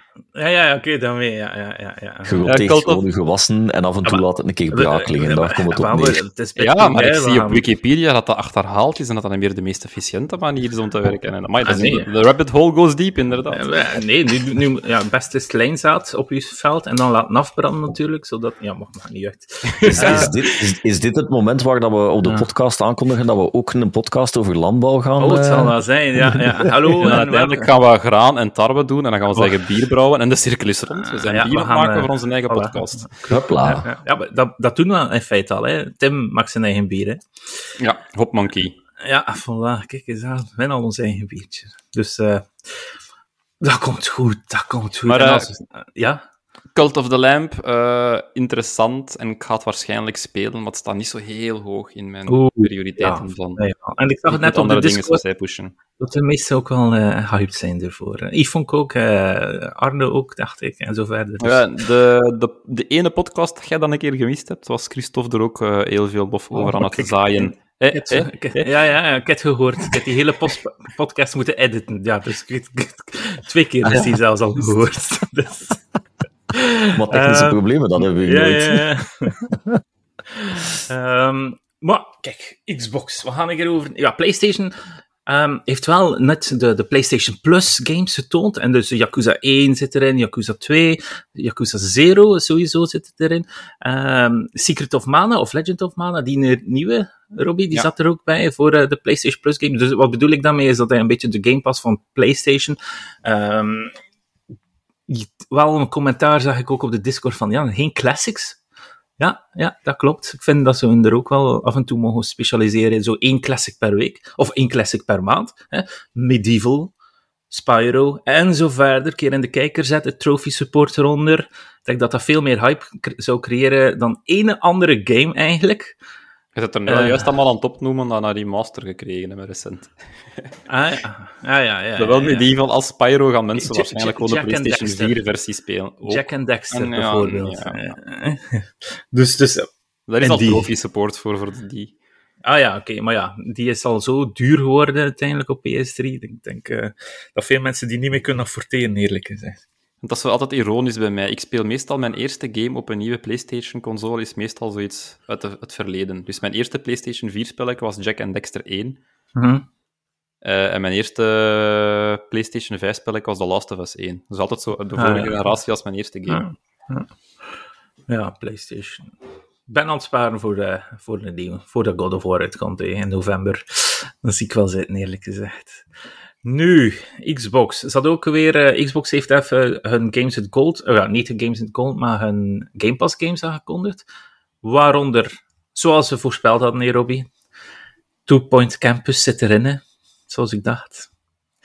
Dus uh, dat is wel tof. Die komt vandaag uit op Game Pass voor de mensen die hem willen spelen. Two Point Campus. Dat is zo ja, humor in een building jasje. Het is niet voor iedereen. Het is voor iemand die opgegroeid is met Monty Python, denk ik, voor, voornamelijk, die daarvan houdt. Ik denk dat dat echt in zijn, zijn straatje Zit er een machine in het Iedereen dus? Ja, ja, ja, iedereen, pas op. Zeg. Ik denk dat de nieuwe generatie geen Monty Python meer kan zien. Zit er dan zo'n machine in dat goes ping? Of, of een lumberjacker, stel je voor. uh, maakt niet uit. I'm a lumberjacker. Ken je dat liedje? Ja, ik moet dat toch kennen. Hè? Ja, ja, het natuurlijk. Ja, ja, jij kent het. Robbie, ken jij het liedje? I'm a lumberjacker, it's okay. Ja, ja zeg gewoon ja, Robbie, anders Ik kon hem gewoon doen zingen, dus... Ja, ja, ja. Dus ah, ja. my trap worked. I, I wear woman's dress, I work all day. of zoiets, ik weet niet hoe te schrappen. Anyway, ah, ik ben aan het zweten, het is te warm. Ik zie hier iets van Gamescom. Uh, Robbie, jij gaat er naartoe, ik niet. Ik ga op mijn gemakje thuis zitten. Ik ga niet in zo'n warme zaal gaan rondlopen. Dat is ginter niet warm, dat is eigenlijk Oh, dus het is, ja, het is Duitsland, daar is het altijd koud natuurlijk, nog altijd. ik weet het niet. De, die, die hallen zijn zo groot, dat is zijn eigen land met zijn eigen ah, ja. klimaat. Pak maar een deo mee, dat ga ik zeggen, waarschijnlijk. Ja, hmm. een deo en voor alle dagen een nieuwe t-shirt. Ah ja. Eén voor jezelf en af en toe een keer voor een dat u passeert. ja, de, de, eerste jaren dat we gingen via OneUp hadden wij zo een doos t-shirts meegenomen. Zoals idee van, we gaan dat weggeven oh, aan mensen als, als extraatje. Maar iedereen kwam bij ons gewoon t-shirts halen van, oh, ik heb een nieuwe t-shirt nodig, zie men ook Solvijvers. En dan liepen we ah, helemaal rond op Gamescom met one-up t-shirts. Dan moet het toch warm zijn, of ben ik verkeerd? Hè? Maar dat is, dat is meer van de kilometers dat je doet. Je daar... Nee, nee, maar ah. die, zijn, die zalen zijn niet gekoeld. Dus uh, dat, kan daar best warm, warm worden, zeker tussen al dat volk. Maar dokter Groen, ga jij ook naar de Gamescom? Ja, ik ben nog aan het twijfelen. Ah, er zijn een paar mensen... een slaapplaats aangeboden. Er zijn, oh. voilà, onder andere Robbie zelf, uh, die, die heel hard aan mijn mouw aan, aan het trekken zijn van het zou toch tof zijn, moesten erbij zijn. Een oh, paar mensen op, op, op, uh, op stream, een paar mensen vanuit het One-Up verleden en, en, ja. en Robbie. Uh, dus, ja. Maar Kullen is niet zo ver uiteindelijk. Hè. Met de trein oh, kun je er zo zijn. Ja, voilà. Overstappen naar Luik zekers. En dan, dan zijn er ongeveer. Bijna. Oh, maar ik zou met NATO gaan. Oh ja, ja. En ik heb al voor iedere avond een feestje gepland. Hey, en als je naar Köln gaat, dan passeerde, of topic, hè, dan passeerde langs een restaurant die de grootste schnitzels in Duitsland doet. Maar die een gewone schnitzel is al groot genoeg voor nee, mij. Nee, nee, dat moet een XXXXXXL schnitzel zijn. Dat kost maar 30 euro of zo. En dan krijg je echt zo'n schnitzel, hè. Zo, zo echt even groot. Zijn er ja. zeker dat je niet mee wilt? Nee, ik ga niet mee gaan. We kunnen dus niet zo gaan eten, nee, nee, nee, nee, maar ik, ik denk dat Rutger stiekem een, een food podcast wil starten. Uh, ja, stel je voor. Ja, hey, landbouw, voedsel. Hè. Ja, voilà. En biertjes uiteindelijk ook. Heel goede biertjes. Oh, ze waren zo lekker. Maar het maakt niet uit. Um, we gaan ik, ja, dus wat, doe, wat ga je doen op Gamescom? Bij Xbox, want we zitten op Xbox gedeeld. Oh, wel, op Xbox specifiek uh, hebben ze juist laten weten wat ze daar gaan doen. Ze hebben de Xbox booth on the show floor. Ze hebben er ook een in de B2B area. Uh, ze gaan terug een fanfest. ja, ja, maar. Ze gaan terug een fanfest doen, maar deze keer is het uh, gewoon op hun booth zelf. Dus niks spectaculair, gelijk die de ene keer in 2018 dat we op de boot zaten. Dat vond ik geweldig. Ja. En ook wat developer interviews en deep dives. Uh, ik heb het even opgezocht en de twee dat ze het meest op gingen investeren was dan Sea of Thieves. En ik ben terug even kwijt, maar een of ander uh, pretpark-ding dat uitkomt. Pretpark-ding? Ja, wacht, als ik het open doe, ga ik het hier direct weten. Nu, dus, dus jullie twijfelen... Ja, dus eh, Dr. Groen twijfelt om te gaan, Robbie gaat gaan. Ik zie de appeal gewoon niet om te gaan. Dat moet ik nu echt eerlijk zeggen. Het is mooi weer. Op hetzelfde geld kan ik nu gewoon morgen, ja, die tijd dat jullie daar in die grote zaal gaan zitten en die lange rijen moet staan voor iets te gamen, kan ik mij op het terrasje zetten, een goed biertje, een keer gaan kajakken, een keer gaan wandelen met een hond. Gewoon op het gemak. Maar jullie, ja, ik weet het niet. Ver, verkoop... Nee, allee, waarom, waarom Ik zou... ben beginnen gaan naar Gamescom, want eigenlijk zou het de eerste zijn die ik mis uh, sinds vijf of zes jaar. Oké, okay. um, dus een soort van pressure zijn. om alles mee te maken. Ja, dat ook met facts uh, uiteindelijk. Ja. Nu, de laatste tijd ben ik geen grote Blizzard-fan niet meer, uh, mm -hmm. for obvious reasons, denk ik. Het schijnt wel dat de vier goed is. Hè. Het schijnt dat de vier fantastisch het schijnt zoveel. Het schijnt, schijnt dat de rework van Warcraft 2 ook de moeite ging zijn. En dat was ook niet waar. Hè. Ze hadden ons ook ze, zijn ermee bezig. ze zijn ermee bezig. Hè. Ze nee, nee, ze hebben aangekondigd dat ze ermee stoppen. Is het waar? Ah, ik dacht Blizzard heeft remake... gezegd dat ze er oh. niet mee gaan aan verder doen. Dus, allee, oh. dus het, is, het is ontgoocheling na ontgoocheling. En zelfs de grootste Blizzard-fans, die, die ik al even ja? volg, hebben ook zoiets van, we geven gewoon op. Die zijn hun podcast aan het stoppen. Oh, nee. en, en dus, dat is dus, allemaal... Maar bon, dus vroeger, in de goede oude tijd, waar Blizzard uh-huh. nog wel uh, bij de good guys was, uh, die hadden een halve hal daar. En daar werd altijd alles aangekondigd. Dus de nieuwste expansion van World of Warcraft werd aangekondigd. Mm-hmm. Overwatch is daar aangekondigd geweest. Heb ik, heb ik kunnen spelen voordat de rest van de wereld hem kunnen spelen heeft. Okay. En dan wordt het wel interessant als je grote fanboy bent, zoals ik toen was. Hè. Ja. Uh, de, de eerste versies van Heroes of the Storm, die, die in, in early alphas uh, uitkwamen, heb ik daar kunnen spelen. Dus ik ging twee dagen en daar was ik anderhalve dag bezig met Blizzard te bezoeken en de rest was vlug nog een keer door de hallen lopen. That's ja. it. Maar dus ook omdat je uh, liefde daar, jaren, daar lag natuurlijk. Ja. ja, de latere jaren zijn we dan begonnen uh, met OneUp. En ja. dan begon het als business aspect ook wel interessant te zijn van, van wat mensen te ontmoeten, zeker in de Belgische scene. Uh, Robbie heeft het in een van de vorige podcasts ook aangehaald. Het is eigenlijk jammer dat onze scene daar dan moet uh, uh, bij elkaar komen, terwijl dat we op twee minuten van elkaar wonen. Mhm. Maar bon, het gebeurt daar wel. Um, dus, dus een van de mensen die, die onder andere aan mijn maan, maan, mouw aan het trekken was, zei van, dokter Groen, het is zo lang geleden dat we gezien hebben, het zou goed zijn dat je daar nog eens. Ja. Dus ja, dan kriebelt het. Hè. Dus, het is meer ja, onder de mensen zijn. En alleen, laat ons eerlijk zijn, je komt daar geen mensen tegen die niet warm lopen voor games. Hè. Dus ja. je hebt dat is altijd mijn Disneyland. gesprekken. Hè. Ja. Oh, Disneyland. Oh. Ja, oké. Okay. Ja, maar dit is mijn, mijn Fantasialand. Mijn Fantasialand. ja, ja, ja. uh, ik heb oh, het trouwens ook niet zo heel onder... van Keul. Ik heb het ondertussen opgezocht en het is Park Beyond, de andere game dat je daar gaat kunnen spelen. Okay, okay. Zelf nog niet veel van gehoord, maar het ziet er zo'n beetje uh, die een, gelijk die in Disneyland Adventures uit. Maar dan gewoon echt zo'n een, een 3D-parkbuilder ding, waar je je eigen pretpark nee, bouwt. Ik, ik, snap wel dat je gewoon s'avonds, gewoon tijdens de dag even naar games gaat kijken. En dan vooral s'avonds op een cafeetje, gewoon samen een biertje drinken, babbelen over wat je gezien hebt. Maar ook vooral roddelen over van alles en nog wat. Dus ik denk wel dat dat wel geestig is uiteindelijk. Mm -hmm. Ja, dat snap ik. Ja. En, en waarom dat je warm zou moeten lopen? Uh, de lijst van games dat je gaat kunnen spelen op de Xbox-booth vind ik eigenlijk wel interessant als ik er zo'n beetje doorkijk.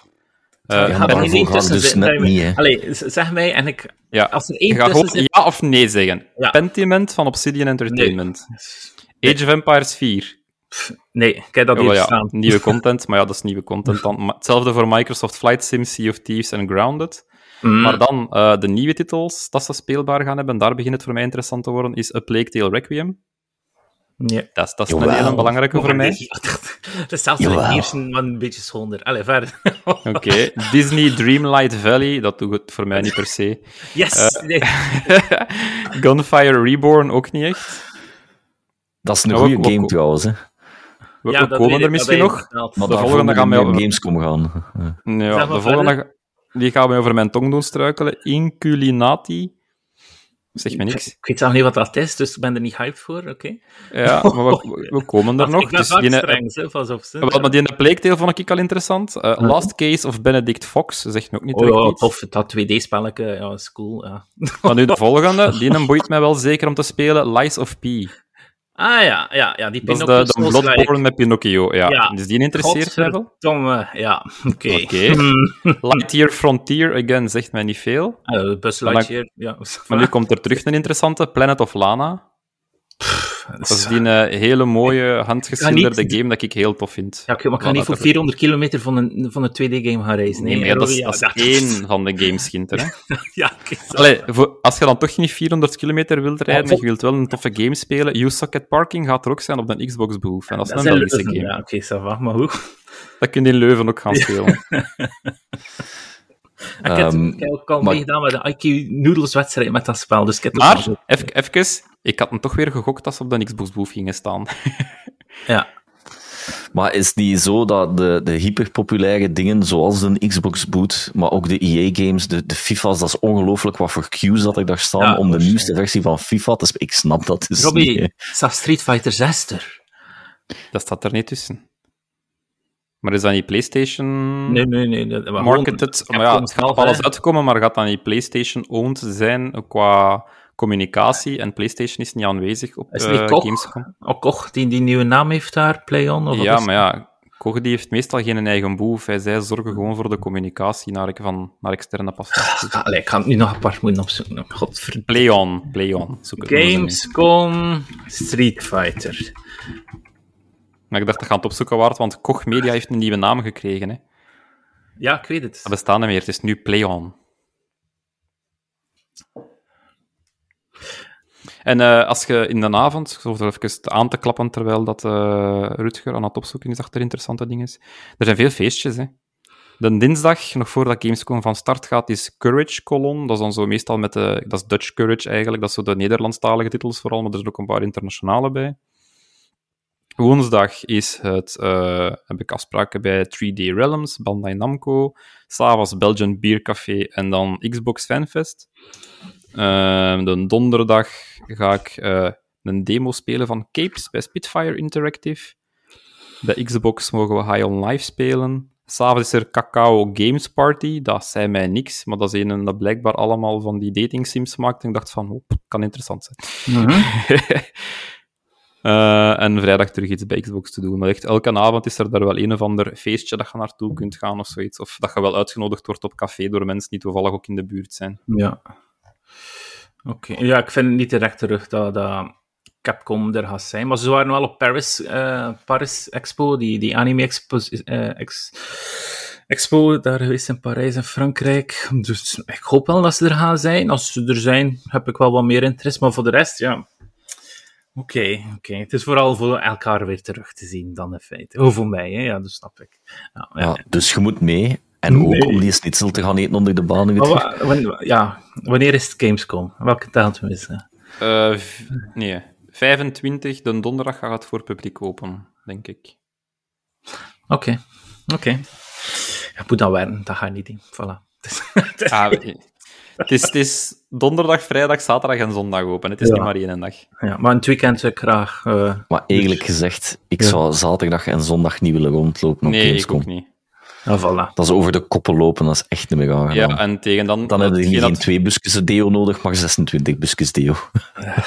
ik ben nu al aan het zweten. Ik zit hier gewoon een beetje te praten. dus uh, stel je voor. Wel, Het eerste jaar ben ik ook niet gebleven daarvoor. Het tweede jaar hadden we daar dan een boef van Hoverloop en Journey for Elysium. Dus dan ben ik wel voor die zaterdag nog gebleven, omdat ze een beetje moe waren, de man. En ik heb nog extra hulp aan de twee boefs gaan geven. Hmm. En het is dan altijd dat het zo druk is en dat ze juist de hulp kunnen gebruiken, want ze zijn eigenlijk al moe van al die B2B-dingen te doen en de mensen dat er over de vloer komen en dan komt in één keer de grote massa nog toe, terwijl dat al uitgeput zit. Ja, wel. Twee dagen daar staan en nu nog zaterdag en zondag als afsluiter. Altijd leuk. Ja, dat is, dat is vijf dagen dat je daar staat. Hè. Ja. Woensdag, donderdag, vrijdag, zaterdag en zondag, die staan er vijf dagen non-stop. Mhm. Nintendo. We hebben niets van nieuws van Nintendo. Xenoblade is net uit. Ik heb gehoord van Aike hè, dat het een van haar favoriete games is dit jaar. Waarschijnlijk wordt dat haar GOTY. Dus het schijnt wel een ja, hele goede JRPG te zijn. Het schijnt ook wel dat het een beetje combinatie, combinatie is van de eerste Xenoblade en de tweede. Dus, en ook minder seksistisch zoals de tweede. Dat is heel belangrijk, want de tweede zijn er gigantisch verschrikkelijke karakters in dat je niet wilt gezien hebben. Echt waar. Ik weet niet het was echt een konijn met gigantische decolleté en een gigantisch uh, achterwerk. Het was, uh, het was een serieuze trein. En ze was um, ook uw zwaard. Ja, voilà. um, dus uh, Nee, dat was echt niet om aan te zien, maar de derde schijnt al wat minder te hebben. Het schijnt heel goed te zijn. Ehm, ja, maar uiteindelijk, JRPG's, dan ga ik nu wel een beetje aan mij langs laten gaan, want het is echt... Dit is te veel. Ja, dus een game van 150 uur er geen tijd voor. Het is een 300 spelletjes multiverses. Ja, voilà. en, en, jullie hebben kinderen en ik heb echt een hondje, dus dat, dat gaat gewoon niet. Dat,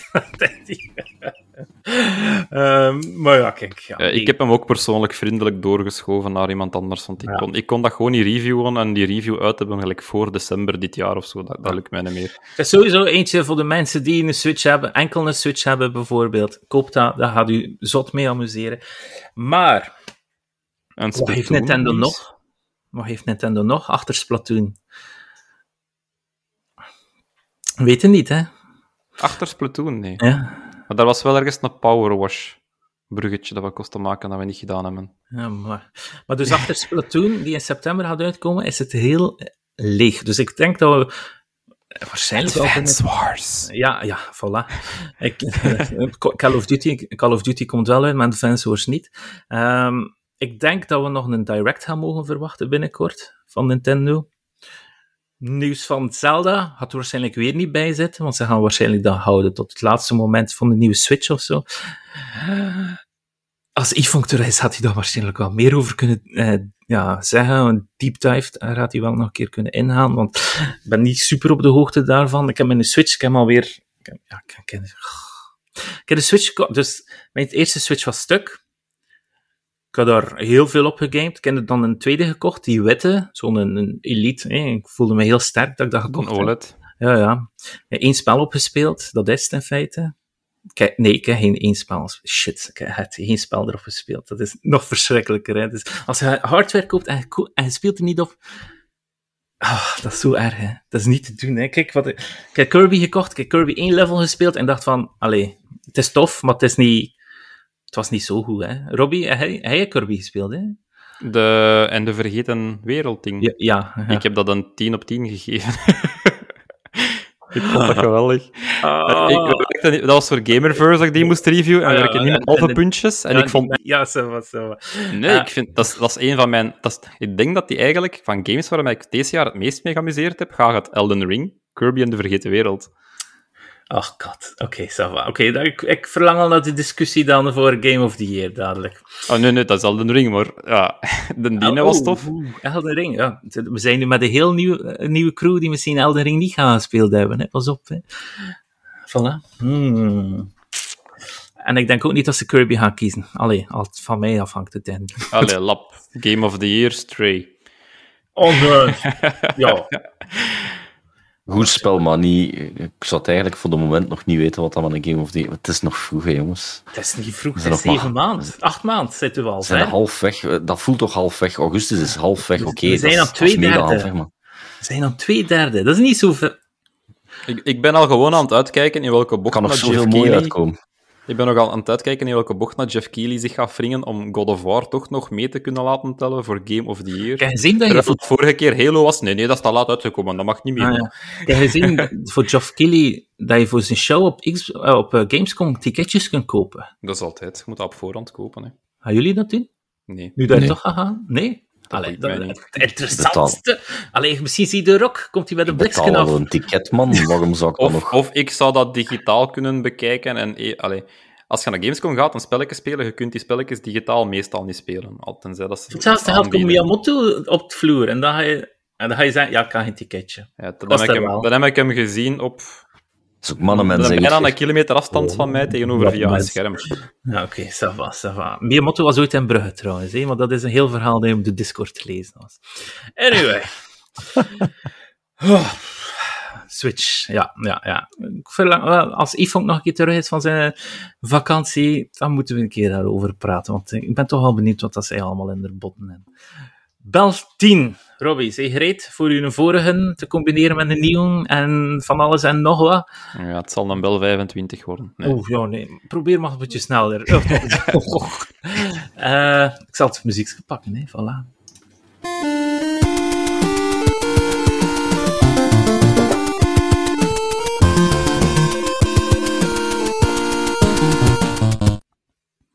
Ja, dus uh, Bel 10, en een hele belangrijke dat vorige week verloren gegaan is, uh, was dat de tax shelter voor games uh, goedgekeurd werd op Europees vlak. daar zijn we al heel lang op aan het wachten geweest, maar al een paar keer gezegd geweest, ja, ja, het gaat er van de jaar komen. Dat is sinds 2017 of 2018 dat ik bezig ben met de Belgische gamesindustrie te interviewen of zo, dat dat daar zat aan te komen, maar er toch nooit doorgeraakt is. Um, nu gaat het effectief in voegen gaan vanaf 1 januari volgend jaar en ze gaan er 36 miljoen voor opzij zetten, dus belastingsvrij zetten. Ja. Uh, om te recappen, dat is dus niet belastingsgeld dat ze gaan, uh, gaan verdelen aan de Belgische gamesindustrie, maar dat is eerder gewoon het makkelijker maken voor bedrijven om te investeren in de Belgische gamesindustrie. Hmm. Uh, er waren wel een paar poortjes die moeten opengaan zijn daarvoor, namelijk dat ook uh, Europese investeringen toegelaten zijn, dat Europees een beetje mag geïnvesteerd zijn en niet 100% van uw studio moet in België gevestigd zijn en zo. Ja. Maar wat, uh, het komt er wel op neer dat er daardoor nieuwe mogelijkheden gaan zijn qua financiële middelen ja. voor Belgische studio's. Klopt het dat um, de mediasector van België daar wat tegen was? die waren daar redelijk neig tegen aan het lobbyen, ja. Okay. Uh, typische Stanny Krets en dergelijke van uh, toneel en film en series. En die dachten allemaal van, hela, zo niet, hè, ons geld afpakken. Terwijl dat over een ganse nieuwe pool van, van financiering gaat, dat dat niet uit hun potje komt. -hmm. En ook de investeerders die gaan aangetrokken zijn om te investeren in de gamesindustrie, gaan misschien niet interesse uit gehad hebben om datzelfde te doen voor... film en dingen. Ah, ik persoonlijk heb het nooit gestapt waarom dat, dat niet makkelijker ging, want al die lokale producties, en dan, dan ging er bijvoorbeeld geld naar een theatervoorstelling in Antwerpen of zoiets. Wat dat dan is, ja, dat, dat, dat brengt dan Belgisch geld op voor Belgische mensen. Ja. Maar uiteindelijk gaat dat uw, uw, uw inkomen van uw land niet verbeteren tegenover uh, games, wat dat zo het makkelijkste exportproduct is dat je hebt. Voilà gemaakt al lokaal, maar dat wordt internationaal verkocht. Dat is veel logischer om dat te zien als een soort van investering om je lokale industrie te groeien. Plus de, um, de, de gigantische hoeveelheid brainbleed dat wij hebben met onze scholen, mm -hmm. die ieder jaar awards vindt, achter awards vindt. Onze gamerschool in Kortrijk. Dat is een beetje ja, het is een beetje al te laat in feite dat dat er in feite is. Hè. Het mocht al mm -hmm. veel eerder geweest zijn. Hè, die ja, en, en, dan zelfs los van dingen zoals games maken, wat dan nu in België meer en meer en beter en beter gebeurt. Er komen supergoeie Belgische games op de markt, maar niemand heeft ervan gehoord. En dat is meestal omdat die mensen al hun geld moeten steken in de financieren van de game. Mm -hmm. En dan is er geen budget meer over voor marketing. En dan ben ik nu aan het hopen dat dat ook een beetje iets is dat eindelijk de evolutie gaat zijn. Want overal hoort je wel van marketing moet vanaf dag één deel uitmaken van je plan. Maar bij de meeste Belgische games dat ik spreek, is het van... Ja, we zullen daar wel aan beginnen, ooit voilà. een keer zeker. Nu moest ik eerlijk zijn. Ik maak een game. Hè? Ik heb een budget. Mm -hmm. Ik zou ook heel weinig in marketing steken. Ik zou echt zeggen, muziek, graphics en gameplay. Voilà. En dat is echt alles. En dan... Ah, ja, je, je moet een game gemaakt hebben of je hebt niks te adverteren, natuurlijk. Voilà. Hè? Ik ben altijd overtuigd van, als je een goed product hebt, dan gaat het wel zichzelf verkopen.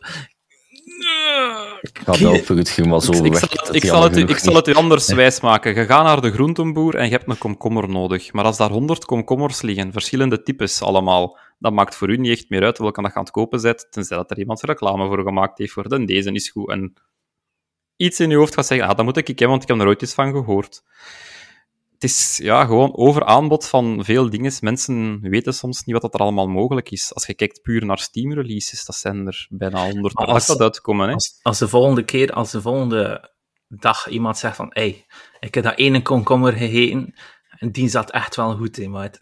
Ja, maar ja, hoe is maar dat, dat bij je komkommer? Waarom hebben we komkommer gekozen? Waarom hebben we... komkommer dat, dat is niet de beste analogie, nee, inderdaad. Als je, als je iemand tot bij de komkommer gebracht hebt, ja, dan, ja, en nee. die gaat dat dan mond op mond verder doorvertellen... Dan, is er softdrinks gepakt. Ja, veel innuendo's. Ah, dan, we zullen wel zien op Discord welke slack dat we daarvoor krijgen. Ja, ja, in de plaats van de aubergine is een komkommer. Maar, maar het komt er dus op neer, laat het ons maar gewoon op games houden. Het komt er dus op neer dat, oké, okay, als je een hele goede game gemaakt hebt, maar niemand weet dat die bestaat, dan gaat hij ook niet... Dus je moet ergens wel hem kenbaar maken. Nee, en jij gaat daar wel voorbeeld op van... Op je dichte vrienden die het woord gaan verspreiden, kun je niet altijd doen. Nee, Want je, zegt, je gaat daar het voorbeeld van, maar als iemand u vertelt, dat was wel een hele goede komkommer. Ja, ja. ja. Nee, game. Tegenwoordig, Een hele goede game.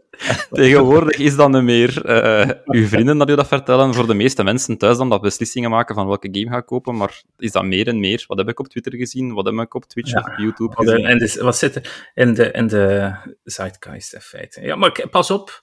like, af en toe komen er zo, zo games aan, aan, aan een paar maanden later dan dat ze uitgekomen zijn, of een paar jaar later dat ze uitkomen, zijn toch weer aan het licht, omdat het gewoon echt goede games waren. Van, eh, eh, dat moest je eigenlijk echt gespeeld hebben in dat jaar. Ja, maar ik ga het omdraaien. Als je bagger maakt, dan gaat het niet verkopen, ook al smijten er een gigantisch marketing. Daar hebben we voorbeelden genoeg van gezien Ja, de laatste jaren van games die enorm veel marketingbudget krijgen en het niet goed doen. Ja. Eh, en toch worden ze trouwens toch nog een stuk verkocht. Hè? Toch, eh, eh, dus- Biomutant of zoiets. Er ja. is eh, een game developer dat recent echt een onderzoek gedaan heeft, puur met Steam stats te tracken. En hij ging dan gaan kijken naar eh, welke games hebben slecht verkocht. En daarvoor gebruikte hem het enige visibele ding dat je op Steam hebt voor verkoop. En dat is een schatting van het aantal Reviews. reviews. Ja. Ja. En hij gebruikte dan van hoeveel procent daarvan is positief, maar het is wel laag. En dan heeft hij zo'n collectieke gemaakt. En dan uiteindelijk kwam hij op zo'n nog een lijst van 100 titels of zo dat heel goede reviews kregen, maar heel weinig reviews kregen. En dan heeft hij daar een paar gaan uitspelen. En dan bleek dat er echt wel heel goede titels tussen zaten. En dan vroeg hij zich af van, waarom werkt dit niet? Zat bijvoorbeeld iets tussen dat heel neig leek voor hem op Mini-Metro. En dan begon hij de vraag te stellen van, hoe komt het dat Mini-Metro dan wel ontdekt geweest is en deze game niet? En dan kwam het toch meestal op visibiliteit aan. Hmm. Oké. Oké. Oeh, volgende vent. Ehm, ja, ik weet er eigenlijk niet zoveel van, maar ik ga het toch vermelden. Michel Moore is, al, is iemand dat ik al even volg op Twitter voor met de games dat hij bezig is. En hij was blijkbaar ook aan het meewerken aan een titel dat ik nog niet eerder van had gehoord, maar voor iedereen met VR wel interessant gaat zijn. Dat hij noemt Shock Troops. Eh, en dat ziet eruit als een pixel art Doom in VR, om het samen te vatten. Hmm. Eh. Ze weten maar al te goed dat de Doom geïnspireerd is, want als je de cover art ziet, het is precies ook zo de Doom guy dat bovenop een pile of corpses staat en op alles schiet. Ja, oké. Eh, ongetwijfeld een heel leuke game om te spelen. En misschien ook net een beetje minder eh vomit-inducing dan net snelheid, omdat je het in pixel art aan het spelen bent. Zo die high-speed first-person action. Ah, ik ja. zou net Ja. verwachten dat je daar net meer misselijk van wordt. Nee? Eh, ik heb het minder dan, persoonlijk. Als ik hoe meer stylized dat een game is, hoe minder neigen dat, ik, mijn, dat mijn hersenen denken van deze is echt, en je bent echt, echt aan het bewegen, Ja. terwijl dat je stilstaat. Ja, daarom Oké. Neon White, dat spel dat ik een paar maanden geleden aan het spelen was, die speedrunner game, die heeft heel low graphics. Dat is net zo leuk om te spelen. Het doet mij ook denken aan de oude Unreal Tournaments. Dat was ook snelle shooters. Of een Quake, dat was ook snelle shooters. Maar dat was net goed, omdat het ook qua grafisch, het is al een paar polygonen hè, uiteindelijk. En je kunt direct alles eh, zien uit je ooghoeken van dat is dat, dat is dat, dat is dat. Ja, maar Eh. na, naar rendercapaciteit ben ik mee. En, en, en op, een, op een gewoon scherm, ça va. Maar in, in VR weet, ik, weet ik het niet. Bij, het werkt bij mij eigenlijk zo, maar ik weet niet of dat bij iedereen zo is. Mijn hersenen weten, ik ben een game aan het spelen. Mhm. Dus Mhm. ook al zijt je in de game aan het bewegen, maar staat je in het echt stil, mijn hersenen maken wel die ene klik van, ah ja, maar we zijn een game aan het spelen, want het ziet er dan eigenlijk een game uit. Ah ja, en, maar als dat een super realistisch is, en in één keer eh, zijn ze zo aan het lopen of zo, en je bent naar de vloer aan het kijken, en dan lijkt wel een heel realistische vloer, dan al je eigen van, oh, kopje naar voren te gaan. En, Ah ja. En een voorbeeld, bijvoorbeeld, eh, hier in Gent, Triangle Factories heeft Ja. de game. VR-game Hyperdash, dat ik echt heel hek van was eh, een jaar terug. Die graphics zijn ook, ja, niet slecht, maar het is ook echt herkenbaar van een paar klassieke levels en, en gewoon een trap zonder veel eh, graphics en dit en dat. En gewoon straight lines en van die toestanden, zonder al de grassprietjes en weet ik veel wat. En dat vind ik eigenlijk heel leuk in fast shooters. En die nieuwe Doom die uitgekomen was, dus Doom Eternal en, en die Doom 2016, grafisch had die zoveel. En als je dan zo snel bewoog, dan vond ik wat, wat minder leuk. Het was heel goed voor vele mensen natuurlijk. Ik, ken heel veel mensen die het fantastisch vinden. Maar als, omdat het net ietsje te veel graphics heeft en je gaat zo snel, dan vind ik... ah, ik weet het niet, ik weet het niet. Misschien is dat gewoon boomer talk dat we aan het doen zijn natuurlijk. Hè. Dat was ook- nee, Maar- nee, maar... Ja, Ondertussen heb ik de- de- mijn... Dat is te veel graphics, het gaat te snel en ik zie niets meer. Hè? Ja, is- Nee, maar de e- de, de e-sports gasten, die toch meestal eh, eh, een Ah, ja. pak jonger zijn dan wij, gaan ook typisch gezien hun graphics serieus Ja. naar beneden halen, omdat FPS en, en reactietijd, alles is voor die mannen. Dus Ja. eh, dat gaat over de, vlo- de vloeiendheid die ja, bijna hey, dat, dat vreemd is dat we het zelfs waarnemen, hè, want in principe 24 beelden per seconde is genoeg. Ik moet zeggen, maar in videogaming Halo... is duidelijk dat hoe meer frames dat je hebt, hoe, hoe accurater dat je, dat je kunt reageren. Toen ik dus, Halo Infinite aan het spelen was, op mijn Series S, speelde ik eigenlijk liever dan op mijn high-end PC omdat sommige, denk, ja, sommige objecten die inladen, of low frame rate, low fidelity, of hoe noem je dat? Die, die polygoon, of die, die, die, het was heel low, dus van ver zag je sneller mannetjes passeren eigenlijk. Maar als het of ze waren gewoon ze, ze, aan het crouchen in wat dat voor hun hoog gras was, maar in jullie game was dat gewoon ja, hoog gras, dat gaan wij niet laden, hè, vriend. Ja, maar, dat is... PUBG, PUBG was dat ook zo, en PUBG heb ik ook mijn game heel low gezet, omdat je dan alles zag. Dan, je had geen gras voor je uiteindelijk, dus dat was wel handig. Maar ja, Kijk, we zijn te veel aan, aan het sidetracken, hè. En dat is hoe dat jij 100% winning in... Uh, ah ja, het zal wel in... zijn. Je moet trucjes vinden, hè. ja, dus dat is, dat is heel low poly bij u. Ja. Ja, ja, Eigenlijk zijn dat vierkantjes die tegen elkaar vechten. Dat is het beste, hè. Dat is het beste wat dat er is. ja. Oude Saturn games van vroeger. ja, maar om nog even verder te gaan op dat realistische VR-ding. Uh, ik heb ondertussen al mijn VR-legs door heel veel Journey for Elysium en zo te testen. Uh, en ik had er dus geen last van, maar als ik bij uh, Cyborn Hubris ging gaan spelen, ik vond dat echt geweldig. En dat was de eerste keer dat ik in een VR-game moest lopen, maar niet in het echt lopen natuurlijk, dus je hebt een loopknop. Maar de allereerste keer dat ik ook een springknop moest gebruiken. Want ervoor had ik oh. alleen maar games gehad waar dat wij, als je moest springen, was het gewoon op een knop duwen en het personages sprong nadien, als een soort van cinematic. Of gaat een teleport action. Maar nu was het echt van, neem een aanloop en gebruik je momentum en maak een sprong. En uh, Christophe de Bond was ook aan het spelen naast mij. En bij hem was het echt van, ik moet gaan zitten. Ik moet gaan even zetten de koptelefoon af, een beetje wind nodig. Dus ah, daar zie je echt wel van, als je zo'n hyperrealistische graphics game hebt, en dan vragen ze je realistische dingen te doen, van neem een aanloop en spring over een cliff, dat dat voor veel mensen toch iets is van... Mm. Ja, oké. Moet me niet vragen om te doen. Alright. Uh, Even verder gaan. Severed Steel komt uit, is uitgekomen op consoles ondertussen. Dat is geen een Belgische game, maar uh, Mantis Games heeft daar dat handkanon in mogen maken, wat dat niet een klein eh, deeltje was van de game. Mm Hidden Through Time DLC is uh, uitgekomen ondertussen. Uh, dat is met twee thema's, Aztec Rituals en Pirate Treasures. Dat is die Where is Waldo-achtige game dat ik wel heel tof vind. En ook met veel community-generated content, dat je zelf je eigen leveltjes kunt maken. Um, voor Trifox was er eigenlijk heel wat te beleven de laatste tijd. We hadden vorige week een Zelda-ton. Dus dat is een Amerikaans evenement waarin dat er geld opgehaald wordt door Zelda-games te spelen. Oh. En daar waren de, de, de developers van, uh, van Trifox niet, niet, zo op hun gemak bij. Van, oeh, wij gaan de eerste niet Zelda-game zijn. Gaat dat niet, ik weet niet hoe slecht vallen bij dat publiek. Maar blijkbaar waren die er allemaal heel goed voor te vinden. En hadden ze duizend en kijkers en zo. En ze hadden dan zo een custom Xbox-controller laten maken. En de eerste keer ze die op het scherm tonen van... En we hebben een custom Xbox-controller gekregen om weg te geven. Klets valt dat zo op de grond. Een slightly used Xbox-controller gekregen. Mm. voor uit te delen. Uh, maar het was wel heel tof. En dan, ze hadden er echt zo een plezier in gevonden. Of zo, van, we waren eigenlijk zo'n Blink-use aan het maken. En dat was van... En je can't spell Blink without Link. En dan was dat toch nog maniertjes gevonden om daar wat Zelda-dingen in te krijgen. Ah, ik dacht even dat je begon over Blink. Dat was zo'n cat-game. Blinks. Ja, okay. Blinks. Uh, dat moet een, een return maken, ja. Ja, ja. Uh, en we zijn nu ook bezig deze week met de release date te teasen. Dus tegen het moment dat dit live gaat, gaan we waarschijnlijk weten dat de game in september gaat uitkomen. Daar mikken we toch. Waarschijnlijk, dus nu hoopt je dat Als hij, Rutger gaat dat niet afkrijgen voor zondag, donderdagavond en ik zet het live. Dus ik zal er wel voor dat het pas vrijdag live staat wanneer dat, dat gedeeld mag worden. Um, verder goed nieuws voor zowel Please Touch the Artwork als Sugar Game. Uh, die zijn allebei finalist in Google Plays Indie Game Festival. Wat dan niet slecht is als prestatie. En uh, we hadden het er juist over at Parking van uh, Happy Volcano Games. En uh, ze komen nog eens aan bod nu, want met The Almost Gone. En dat is trouwens een titel dat veel awards gewonnen heeft op de Belgian Game Awards. De laatste keer dat het mocht doorgaan in 2020. 2021, vorig jaar. nu zitten ze met The Almost Gone in de Humble Bundle van Amazing Adventures. Dus dat is wel tof. Maar kijk, Oké, dat zijn alle nieuwtjes dat je hebt genoteerd in je documentje, zie ik, Robin. Ja, en dan hebben we nog een afbeeldingsje dat we gedeeld met oh, de verkoop van de games in België. Daarin zien we dat FIFA er eindelijk een keer uit ligt. Ja. Uh, Grand Theft Auto zit nog altijd op een sterke derde plaats.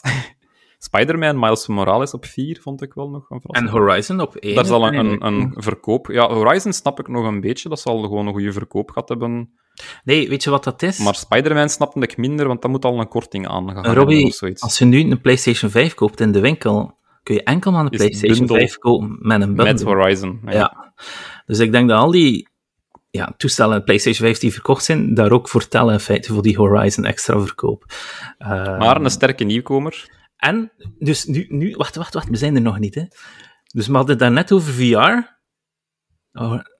Dus uh, de Oculus Quest is 100 euro verduurd. Dat hebben we nu niet mee. Dat hadden we de vorige keer gezegd. Dat is helemaal uh, ja, vervallen geweest aan het nieuws natuurlijk. Uh-huh. Maar dus, ik weet niet of dat jullie het weten. De Meta Quest is 100 euro verduurd. Dus van, van 300 naar 400 of van 400 naar 500. Zonder enige upgrade aan de hardware. Ja. Voilà, ja. PlayStation stel je voor dat PlayStation 5 dat zou doen, dat is, dat is niet goed. Hè? Niemand zou dat wel. Dus de manier dat jij een console kan verkopen aan meer geld, is om een spel eraan te binden. Hè? Dus wat dat ze nu doen, is ze steken er Horizon in. Dat kost voor PlayStation geen centen. Want staat eigenlijk, voor hetzelfde geld staat binnen twee maanden toch bij Plus. Maar ze verkopen het wel voor 550. Hè? Snapt het? Dus op die manier kunnen ze wel een console duurder verkopen. Dus ja, je ziet wel dat die, die componenten die ja, het is toch wel allemaal duurder geworden. Dat was ook de reden waarom dat MetaQuest verduurd is. Ze zeggen van, kijk, we moeten het verduren, want de componenten zijn gewoon te duur. Pas op, een bedrijf als Facebook... Maar je kreeg wel al heel veel value voor je geld, vond Ja, ik weet het, ik weet het. Maar toch uiteindelijk, Meta, Meta is nee, maar 100 euro oplift is veel. De, de, de, huidige inflatie zit rond de 8%. Als we dan toch even, helemaal businessy moeten, moeten gaan zien, dat is 8%. Ja, laat ons nu nog gemakkelijk rekenen, 10%. Als het 400 euro kost, dat, is, dat is puur omdat het duurder is. Oké. Okay. Mhm. Want dat is wat PlayStation uiteindelijk doet, van 500 naar 550 is exact die 10%. Dat kun, dat kun je nog ergens... Ja. Het is natuurlijk nooit leuk als dingen duurder worden, terwijl het exact hetzelfde is. Mm uh, maar... Ja, ze, ze hebben het aangekondigd, je kost er nog vlug ene gaan kopen aan de oude prijs. Ook. Ja. ja maar dat is dan weer een goede marketing, natuurlijk. Voilà. Maar ja, dat denk ik dat ze daarom gedaan hebben. Maar voor 400 euro aan de, aan de base model daar vind ik dat je nog altijd veel waar voor je geld krijgt. Het was gewoon underpriced eigenlijk. Dus ik ga er persoonlijk niet wakker van liggen en ik zou er makkelijk 400 euro aan uitgeven aan dat toestel. Ze hebben er wel één extra updateje bij gedaan, dat we nu niet vermeld hebben. En dat is dat je nu niet meer verplicht bent van een Facebook-account aan te maken. Mm. Je kunt terug een Oculus-account maken en dan staat het volledig los van je profiel. En dat heeft wel invloeden op uh, mensen die het gaan professioneel gaan gebruiken. Want anders hadden ze echt zo'n problemen dat je je, je toestel moest gaan aanmelden als developer kit en dan moesten ze dat goedkeuren of zo. Of je enigste alternatief, als je gewoon een nieuwe quest out of the box koos en je wil dat dan gaan op een evenement gebruiken of zo, dan moest je je eigen persoonlijke Facebook-account daar gaan aanhangen en al die mensen daarop laten zitten. Wat dan ideaal was. En dat is nu terug weer weggevallen. Okay. En op de tweede plaats van de top 5 in Belgium is Xenoblade Chronicles 3. Als nieuwkomer, ja. Als nieuwkomer. Um, wel, bij punt bij Nintendo is dat de downloads, dat ze dat niet willen vrijgeven. Dus voor hetzelfde geld staan ze op nummer 1 met de downloads in, uh, in, begrepen. Maar er is nog één nieuwtje, Robbie, die er niet erin gezet. Dat was de heisa van de afgelopen maanden eigenlijk, maar nu is het pas echt begonnen. Hey, Dr. Groen weet waarschijnlijk wat we naartoe gaan. Het dierengeweld in games. Nee, niet het dierengeweld in games. Ontzeggetje. Het Twitch-debakel van uw adresje daaronder zetten en uw naam erbij vermelden, wat natuurlijk niet leuk is, uh, snap ik volledig voor doxing en al die toestanden, of van, die rare praktijken. We hebben het al een paar keer aan de, ja, aan staat, de staat uw adres al online, Rutger? Want wij zijn hier wel mensen aan het beïnvloeden om Belgische games te proberen en dergelijke. Daar is door gesponsord, dus dat is heel goed. We vragen ook geen geld. Ook, dus... Nee, dat moet ook niet. Uit, we hebben ooit een keer, als je ooit een keer een code krijgt van iemand zonder dat je het zelf gevraagd hebt, dan zou het volgens de regel... code gekregen. dus... Ach ja. Nu, dat is het probleem. Dokter Goed, zeg ik u zeskanters. Maar mijn zegje, ja, ten eerste alleen een, een hele dikke vette disclaimer. Ik heb, ik heb mij wel wat ingelezen, maar ik ken ook de volledige wetgeving niet. Dus allee, uh, laat het gerust weten in de Discord als we, als we ernaast zitten. Ja. Um, wat ik wel heel belangrijk vind in de, de, hele discussie, er is al heel veel over gezegd geweest, zowel in media als op verschillende discords waar dat ik uh, in terecht uh, kom. Op Twitter is er heel veel gezegd geweest. Mm -hmm. Ik denk dat er heel emotioneel gereageerd geweest is. En dat is ook ergens logisch. Het gaat ook over uw privéleven, dat je eigenlijk ja, los op het internet moet gooien. Mm -hmm. uh, en, en dan kan je wel zeggen, ja, maar gestreamd of geïnfluenced op YouTube, uw privéleven zit al deels daarop. Ja, ik vind dat er toch een verschil is. Uh, je zet content aan het creëren en je wilt dat een stuk afschermen van je privéleven. Ik ga er prat op dat mijn naam niet per se gekoppeld is. Hè. Mijn, mijn Dr. Goen-naam is niet gekoppeld aan mijn echte naam. Uh, ik ga er prat, en als je zoekt, gaat je het vinden. Hè. Daar ben ik ook van overtuigd. Ik ben niet naïef. Um, ik vind het heel belangrijk dat mijn, mijn gezinsleden uh, daar niet aangekoppeld worden, dat zij hun privacy kunnen bewaren. Dus ik kies nog altijd zelf wat ik wel en wat ik niet vrijgeef op het net. Dat is, dat is mijn keuze. Mm -hmm. En ik denk als je de privacywetgeving erop naleest, ik ken, ik ken ze niet van buiten, absoluut niet. Maar dan komt het daar wel op neer. Je kiest als individu zelf wat dat je wel en wat dat je niet van jezelf op het net gooit. Ja. Um, daarentegen staat, hè, en het is eigenlijk een kluwen van, van een aantal wetgevingen, uh, die, als je de letter van de wet volgt, eigenlijk ook perfect steek houden. Want wat zegt de wetgever, wat zegt de FOD-economie in dit geval, hmm. die dit eigenlijk moeten gaan controleren. Hè? Want zo werkt het hier in België. Je hebt het parlement, die beslissen, kijk, dat is nu een wet. En dan moeten de verschillende overheidsdiensten die wetten gaan laten naleven. Dus in dit geval FOD-economie, die gaat u uh, uh, gaan bekijken. Hè. En die economie gaat natuurlijk over uh, mensen die zaken doen. Hè. Die, die, die een winkeltje hebben of dingen gaan verkopen. Gekoppeld aan FOD-financiën ook nog eens natuurlijk, want als je geld verdient, dan moet je natuurlijk belasting betalen. -hmm. Als privépersoon doe je dat typisch op je loon. Hè. Ga, je, ga je een, een bijdrage, hè. een, een, een, een ik ben nu de, de term kwijt, maar je betaalt belastingen op je, en de officiële term, ja. maar je betaalt belastingen op je loon, dat kent iedereen, en je hebt een bruto en je hebt een netto loon. Dus logisch ook, want zo draag je bij aan het welzijn van onze staat. Dus daar krijg je wegen voor, daar krijg je ziekenzorg voor. En dus daar, daar zit van alles onder. Dus natuurlijk is het dan ook nodig, want anders zou iedereen daar gewoon los langslopen, dat je dat gaat controleren. Dus economie zegt ook, ja, als jij inkomsten verwerft, dan moet jij dat gaan aangeven. Ofwel doe je dat in een natuurlijke persoon, mm. ofwel, uh, dus als je gewoon werkt voor iemand, dan is dat een, een beroepsinkomen. Um, als jij dat in zelfstandige basis doet, dus je werkt voor niemand, hè, er wordt voor u geen werkgeversbijdrage betaald, dan ben je eigenlijk zelfstandig. Dan word je gezien als zelfstandige.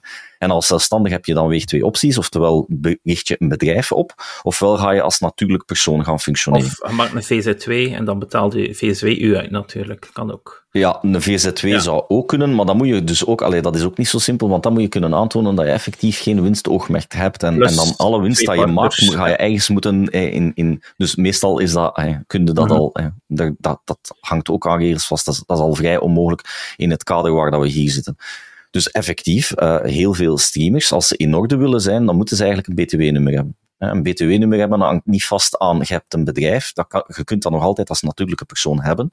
En dan ben je eigenlijk een, een eenmanszaak, zo noemt dat dan. Hè. Dus dan ben je zelfstandig, je hebt een BTW-nummer, dat wil zeggen dat je BTW-plichtig bent, hè, dat, je, dat je eigenlijk BTW moet gaan betalen en dat je dat, je dat moet aangeven. Hè. Alles wat dat je aankoopt en alles wat dat je verkoopt moet aangeven, zodanig dat de fiscus een controle kan uitvoeren op die financiële stromen uh, die binnen en buiten gaan. Ja.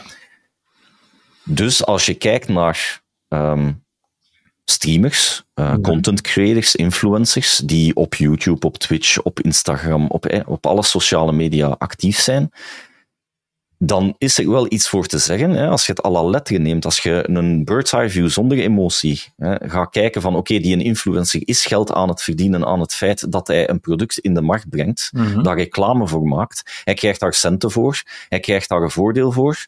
Volgens de letters van de wet kan ik perfect begrijpen dat je zegt, ja, Eigenlijk is dat niet zuiver dat je dat niet aangeeft. Mm -hmm. Klopt. Maar daar gaat het eigenlijk nog niet over. Hè. Dus de wetgever zegt dan, je moet het aangeven. Maar als je het aangeeft, hè, dan heb je dus een zaak. En volgens de uh, letters van de wet moet een bedrijf of een, een, natuurlijk, een, een persoon, een rechtspersoon, ja. dus als je in eigen persoon handelt, moet je ook kenbaar zijn. Waarom? En dat gaat over consumentenbescherming. Um, als jij een product koopt en je bent daar niet tevreden over, dan moet je kunnen gaan klagen bij diegene die je dat product verkocht heeft, van dat, Ah. dat product deugt niet. Ja. Dat is een van de vele redenen waarom dat die adresgegevens bekend moeten zijn. Zodanig dat je als zaakvoerder je kop niet in het zand kunt steken als er dingen fout lopen. Dat gaat over de fiscus moet weten waar dat hij je moet vinden als hij denkt dat je fraude aan het plegen bent. Mhm. Fiscus moet u ook vinden om een gewone controle uit te voeren. Hè. Dus dat, dat, dat is zo. Als je een boekhouding hebt, als je, als je een zaak hebt, dan kan de fiscus u komen controleren om te kijken of dat het wel allemaal juist doet. Ja. Ja, dus daar snap ik dat adresgegevens moeten eigens gekend zijn voor de officiële instanties. Ja. Absoluut geen probleem mee, lijkt mij logisch. Uh, consumentenbescherming lijkt mij ook logisch. Als Ja. jij als influencer een product gaat aanprijzen, dan moet je ergens wel begrijpen dat het, no dat het nodig is dat mensen daar ook weerweg kunnen tegen geven en kunnen zeggen van ik ben daar eigenlijk niet mee zo akkoord dat je dat product aanprijst. Dat is, dat, Eh, dat, ik nog want ik vind dat geen goed dat vind ik product, hè. inter- vrij interessant. Dus, ja. dus het gaat veel dieper dan puur, allee, ik moet mijn adresgegevens hier nu op, op het net gooien. Dus aan die kant begrijp ik het natuurlijk, en dat is wat dat, en daar, daar ga ik ook volledig in mee. Heel veel influencers zeggen dat, ja, maar we zijn hier wel even met iets nieuws bezig. Iets dat, waar dat de wetgever waarschijnlijk nog niet helemaal begrijpt hoe het werkt. En daar kan ik ook in komen. Het is nieuwe media, er komt van alles bij kijken. En inderdaad, jammer genoeg, hè, we, zitten, we zitten met heel veel mensen online daar zitten slechte elementen tussen mensen die het niet altijd even goed voor hebben met de influencers die ze zien. Vanuit jaloezie, vanuit, vanuit sheer, ik wil die een hebben. Hè. En daar zijn genoeg bewijzen van, van mensen die effectief worden lastiggevallen, die het zelfs niet gemakkelijk maken om uw adres te achterhalen, die toch op een of andere manier te weten gekomen zijn, en dan gestaakt worden, gaan worden, lastiggevallen worden. En dat is natuurlijk niet leuk.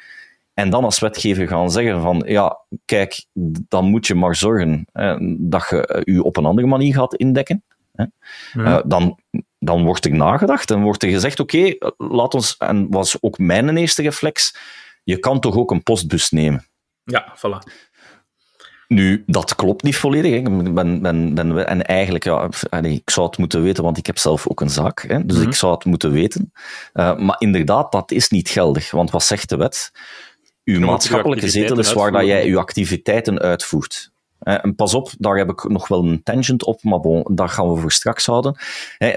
Waarom is dat? Omdat, again, de fiscus en de mensen die iets over uw product willen zeggen, moeten u weten te vinden. Ze, moeten, ze moeten ergens de verantwoordelijke vinden voor hè, fraude, voor, hè, of, of voor een vermoeden van, ja. moeten ze kunnen vinden.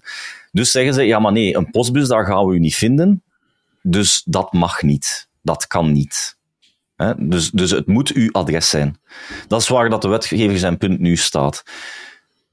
Maar dat wil dus inderdaad zeggen dat je gewoon je privéadres zet. En het antwoord van de wetgever dan, nadat er een, een, een debat ontstaan is tussen een aantal influencers die, die betrokken geweest zijn, die dan zeggen, maar ja, dat is mijn privéadres. Het antwoord van economie dan was, ja, maar dan is het simpel, dan moet u maar een kantoortje gaan huren.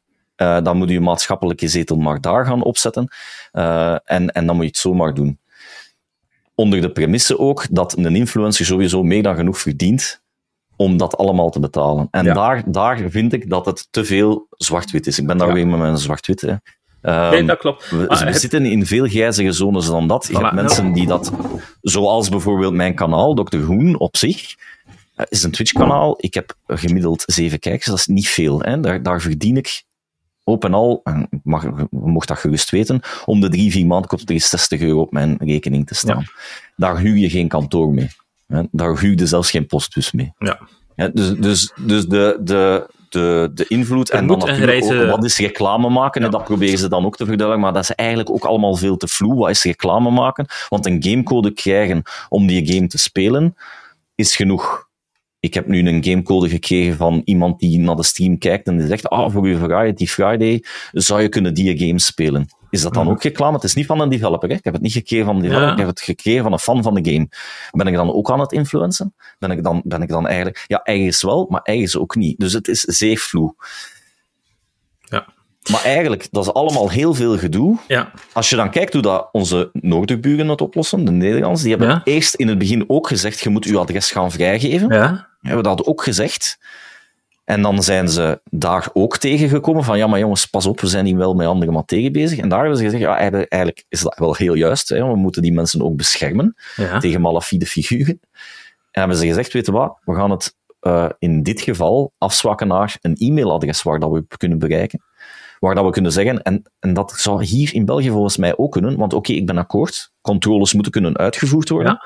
maar die moeten ook aangemeld worden. Die mogen niet zomaar, tenzij dat er zware uh, uh, vermoedens zijn, vermoed ik, again, ik ben geen jurist, dus het kan zijn dat ik, en verbeter ons gerust, hoe meer duidelijkheid dat er is, hoe beter. Maar volgens mij moeten controles ook aangekondigd worden. Die kunnen niet zomaar... Hè, dan, ja, je, je boekhouding mag daarbij zijn, je moet dat kunnen regelen, je moet dat in je agenda kunnen zetten. Uh, dus het, is, het is zeer belangrijk dat je, dat, je, uh, dat je bereikbaar bent, maar op welke manier, of dat dat met je vol adres moet zijn, ik ben daar ook niet zo van overtuigd dat dat zo nodig is. En wat doe je dan nog met de consumenten? Ja, als die u een e-mail sturen, daar kan je ook weer van alles gaan aanhangen. Als wetgever kan je zeggen, ja, en dat moet een e-mailadres zijn, dat je, je kunt niet zeggen, ja, maar ik heb die mail drie dagen niet gezien, je moet daar actief mee bezig zijn. Je kunt dat ook in de wet gaan gieten. Um, we zijn er nog niet. Um, dus dat is de huidige status. Wat dat nu wel gebeurt natuurlijk, het zijn niet alleen de kleine streamers die getarget worden. En de kleine streamers, pas op, ik ben een zeer kleine streamer. Ik ben bijna niet relevant in gans deze discussie. we hebben nog geen e-mail gekregen.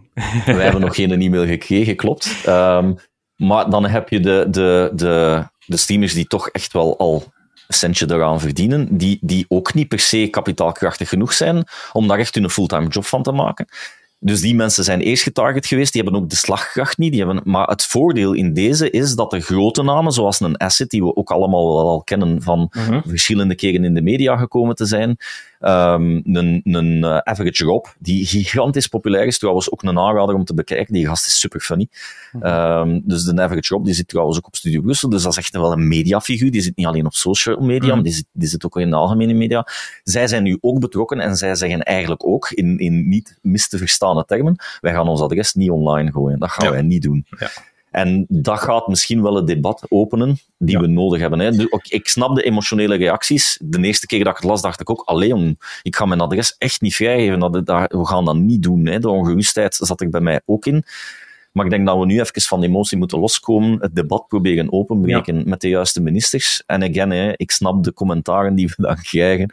En die ministers, en ze zijn niet goed wijs, en het zijn boomers, en, maar daar ga je niks mee oplossen, volgens mij. Maar, en omgekeerd ook, hè, de mensen die reageren online is van, uh, ja, ze moeten zij ook de belasting betalen, en dit en dat. Ja. Ja. Ah. En dat klopt, hè. Ik denk dat de meeste voilà. streamers daar ook mee akkoord zijn. Die willen ook in orde zijn, hè, want daar is ook heel ik veel... Ik heb nog nooit de opmerking gezien, ik wil belastingen niet betalen. Het gaat dan echt altijd over die, die privacy. Maar nu, er is wel een grijze zone voor artiesten en voor marktkramers. En marktkramers mogen tot 5000 euro verdienen zonder de eerste 5000 euro per jaar is eigenlijk onbelast, of hoe, hoe noem je het ook? Uh, voor artiesten die muziek uitbrengen en schilderen en weet ik veel wat, is tot 2500 euro. Dus ik vind eigenlijk dat ze de, dat status van artiest, want in feite is een streamer een artiest, hoe dat het ook draait of keert, is een performer, ook gewoon 2500 euro. Maar dat is het net. Onze ja. wetgeving heeft dat nog niet bepaald, wat ah, een streamer precies is. Ja. En, en daar moeten we zien uit te geraken. Okay. Ik denk dat het verstandig is. Ik ben heel blij, want er zijn, er zijn een heel aantal bekende Belgische streamers die, die de meeste mensen die op Twitch of op YouTube zitten wel kennen. Hè, de ja. assets van deze wereld, maar ook Janox, om er maar een te noemen. Uh, die, die zijn er ook mee bezig. Hè. Uh, ja. Dus op zich vind ik het wel positief dat we ermee bezig zijn, maar ik zou wel zorgen dat we rustig blijven. Ja, voilà. Ik vind dat, ik, dat we, en, dat, we dat niet, in kanten kunnen doen. Niet, dat we uh, een Twitter-army sturen van dit tot nee. Tokio, want dat, dat, dat, dat redt niets uiteindelijk, denk ik. Nee, daar gaan ministers op reageren van, ja, dit, dit is gewoon omgekeerd, niet te lezen, daar zijn we niks mee. Ja, ja. Of dat werd net omgekeerd uh, reacties in de hand van, ah, als ze het zo gaan spelen, wacht, wat vind je? Wacht, wat ja. is niet... ja, ja. ja, zo eigenlijk ook wel, want dat zijn ook maar mensen, Rutger. Ja, dus, uh, ja. Goed.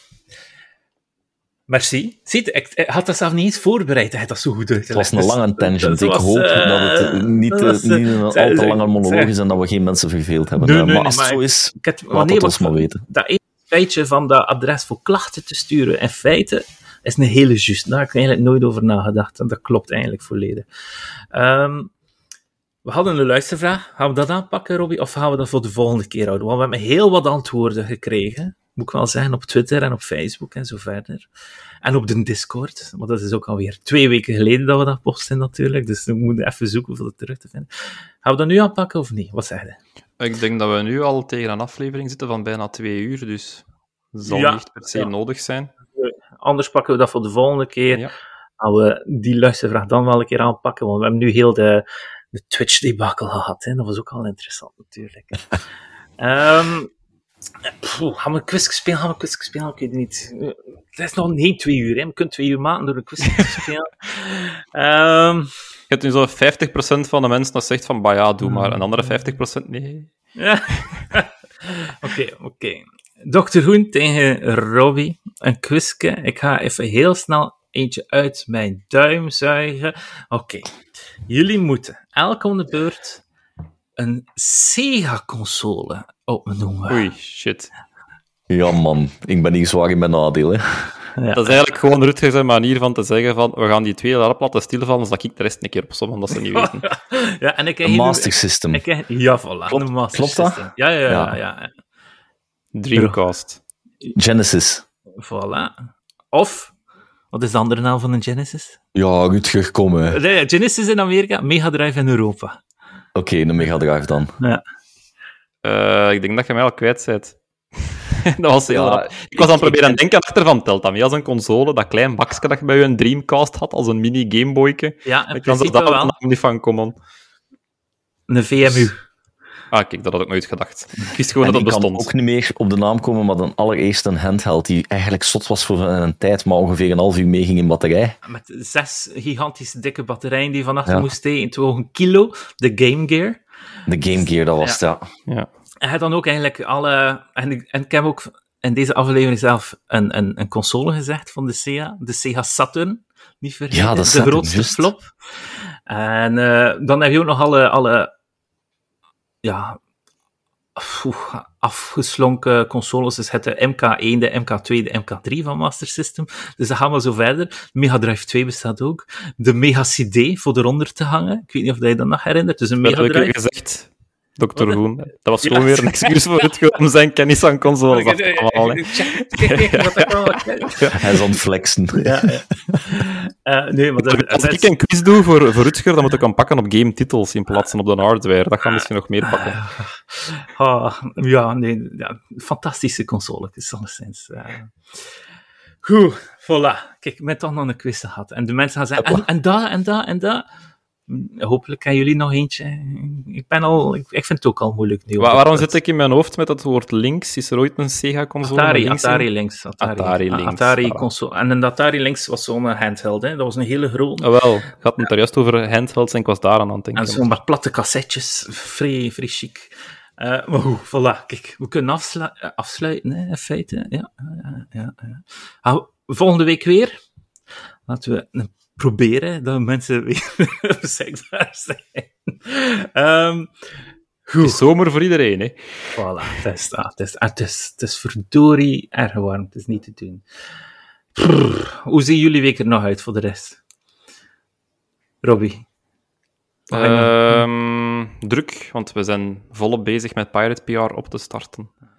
Dus daar kruipt heel veel tijd in. En mijn, mijn, mijn werkdagen zijn in plaats van de typische 7,6 uur, waar ik vroeger al extra uren in stak, ben ik makkelijk 10, 12 uur per dag bezig nu. Uh, Dr. Hoen, wat ga jij nog streamen?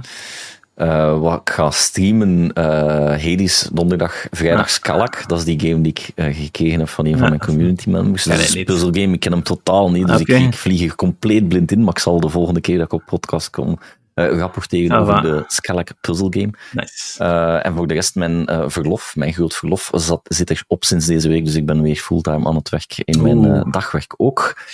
maar geen probleem, ik doe dat heel graag. Dus, ja. Um, ja, en voor de rest... Uh, ja, slaap. Mis, misschien nog een, een bitkroeg luistervraag voor de mensen die mij willen helpen. Als je goede laptops weet, suggereert ze maar. Ik ben op zoek naar iets dat deze kan vervangen, die patat. Maar, ah, maar dat... we hebben nu basically al gezegd welke dat je moet kopen, jong. ja. Ja, welke was het nu? Welke adverteerde? Pas op, hè, want Sweet moet je adres online zetten. Ja, het is dat. Dat gaan we hier niet doen. dat gaan we offline bespreken. Goed. Merci om te luisteren naar Bitkroeg. Je kan ons vinden op Twitter en op Facebook. En als je wil de Discord joinen, dan kan ook altijd. Stuur ons gerust een PM'tje. Ik ben Rutter. Je kan me volgen op Twitter op @rutgerknudde. Dr. Hoen. Ik ben Dr. Groen. Ik kan me volgen op Twitch. Ik ben live maandag, dinsdag, donderdag en vrijdag. We hebben de woensdag van tussen gelaten. Eh, tussen 9 en eh, eh, uh, 12 uur s'nachts. Ah. En je vindt mij ook onder de naam Dr. Groen op Twitter. Yay. En ik ben Bloodigo Reviews. Je vindt mij op mijn thuisadres. Ah ja, oké. Okay. Which is. Salutjes. En tot volgende week. Bye bye. Bye bye.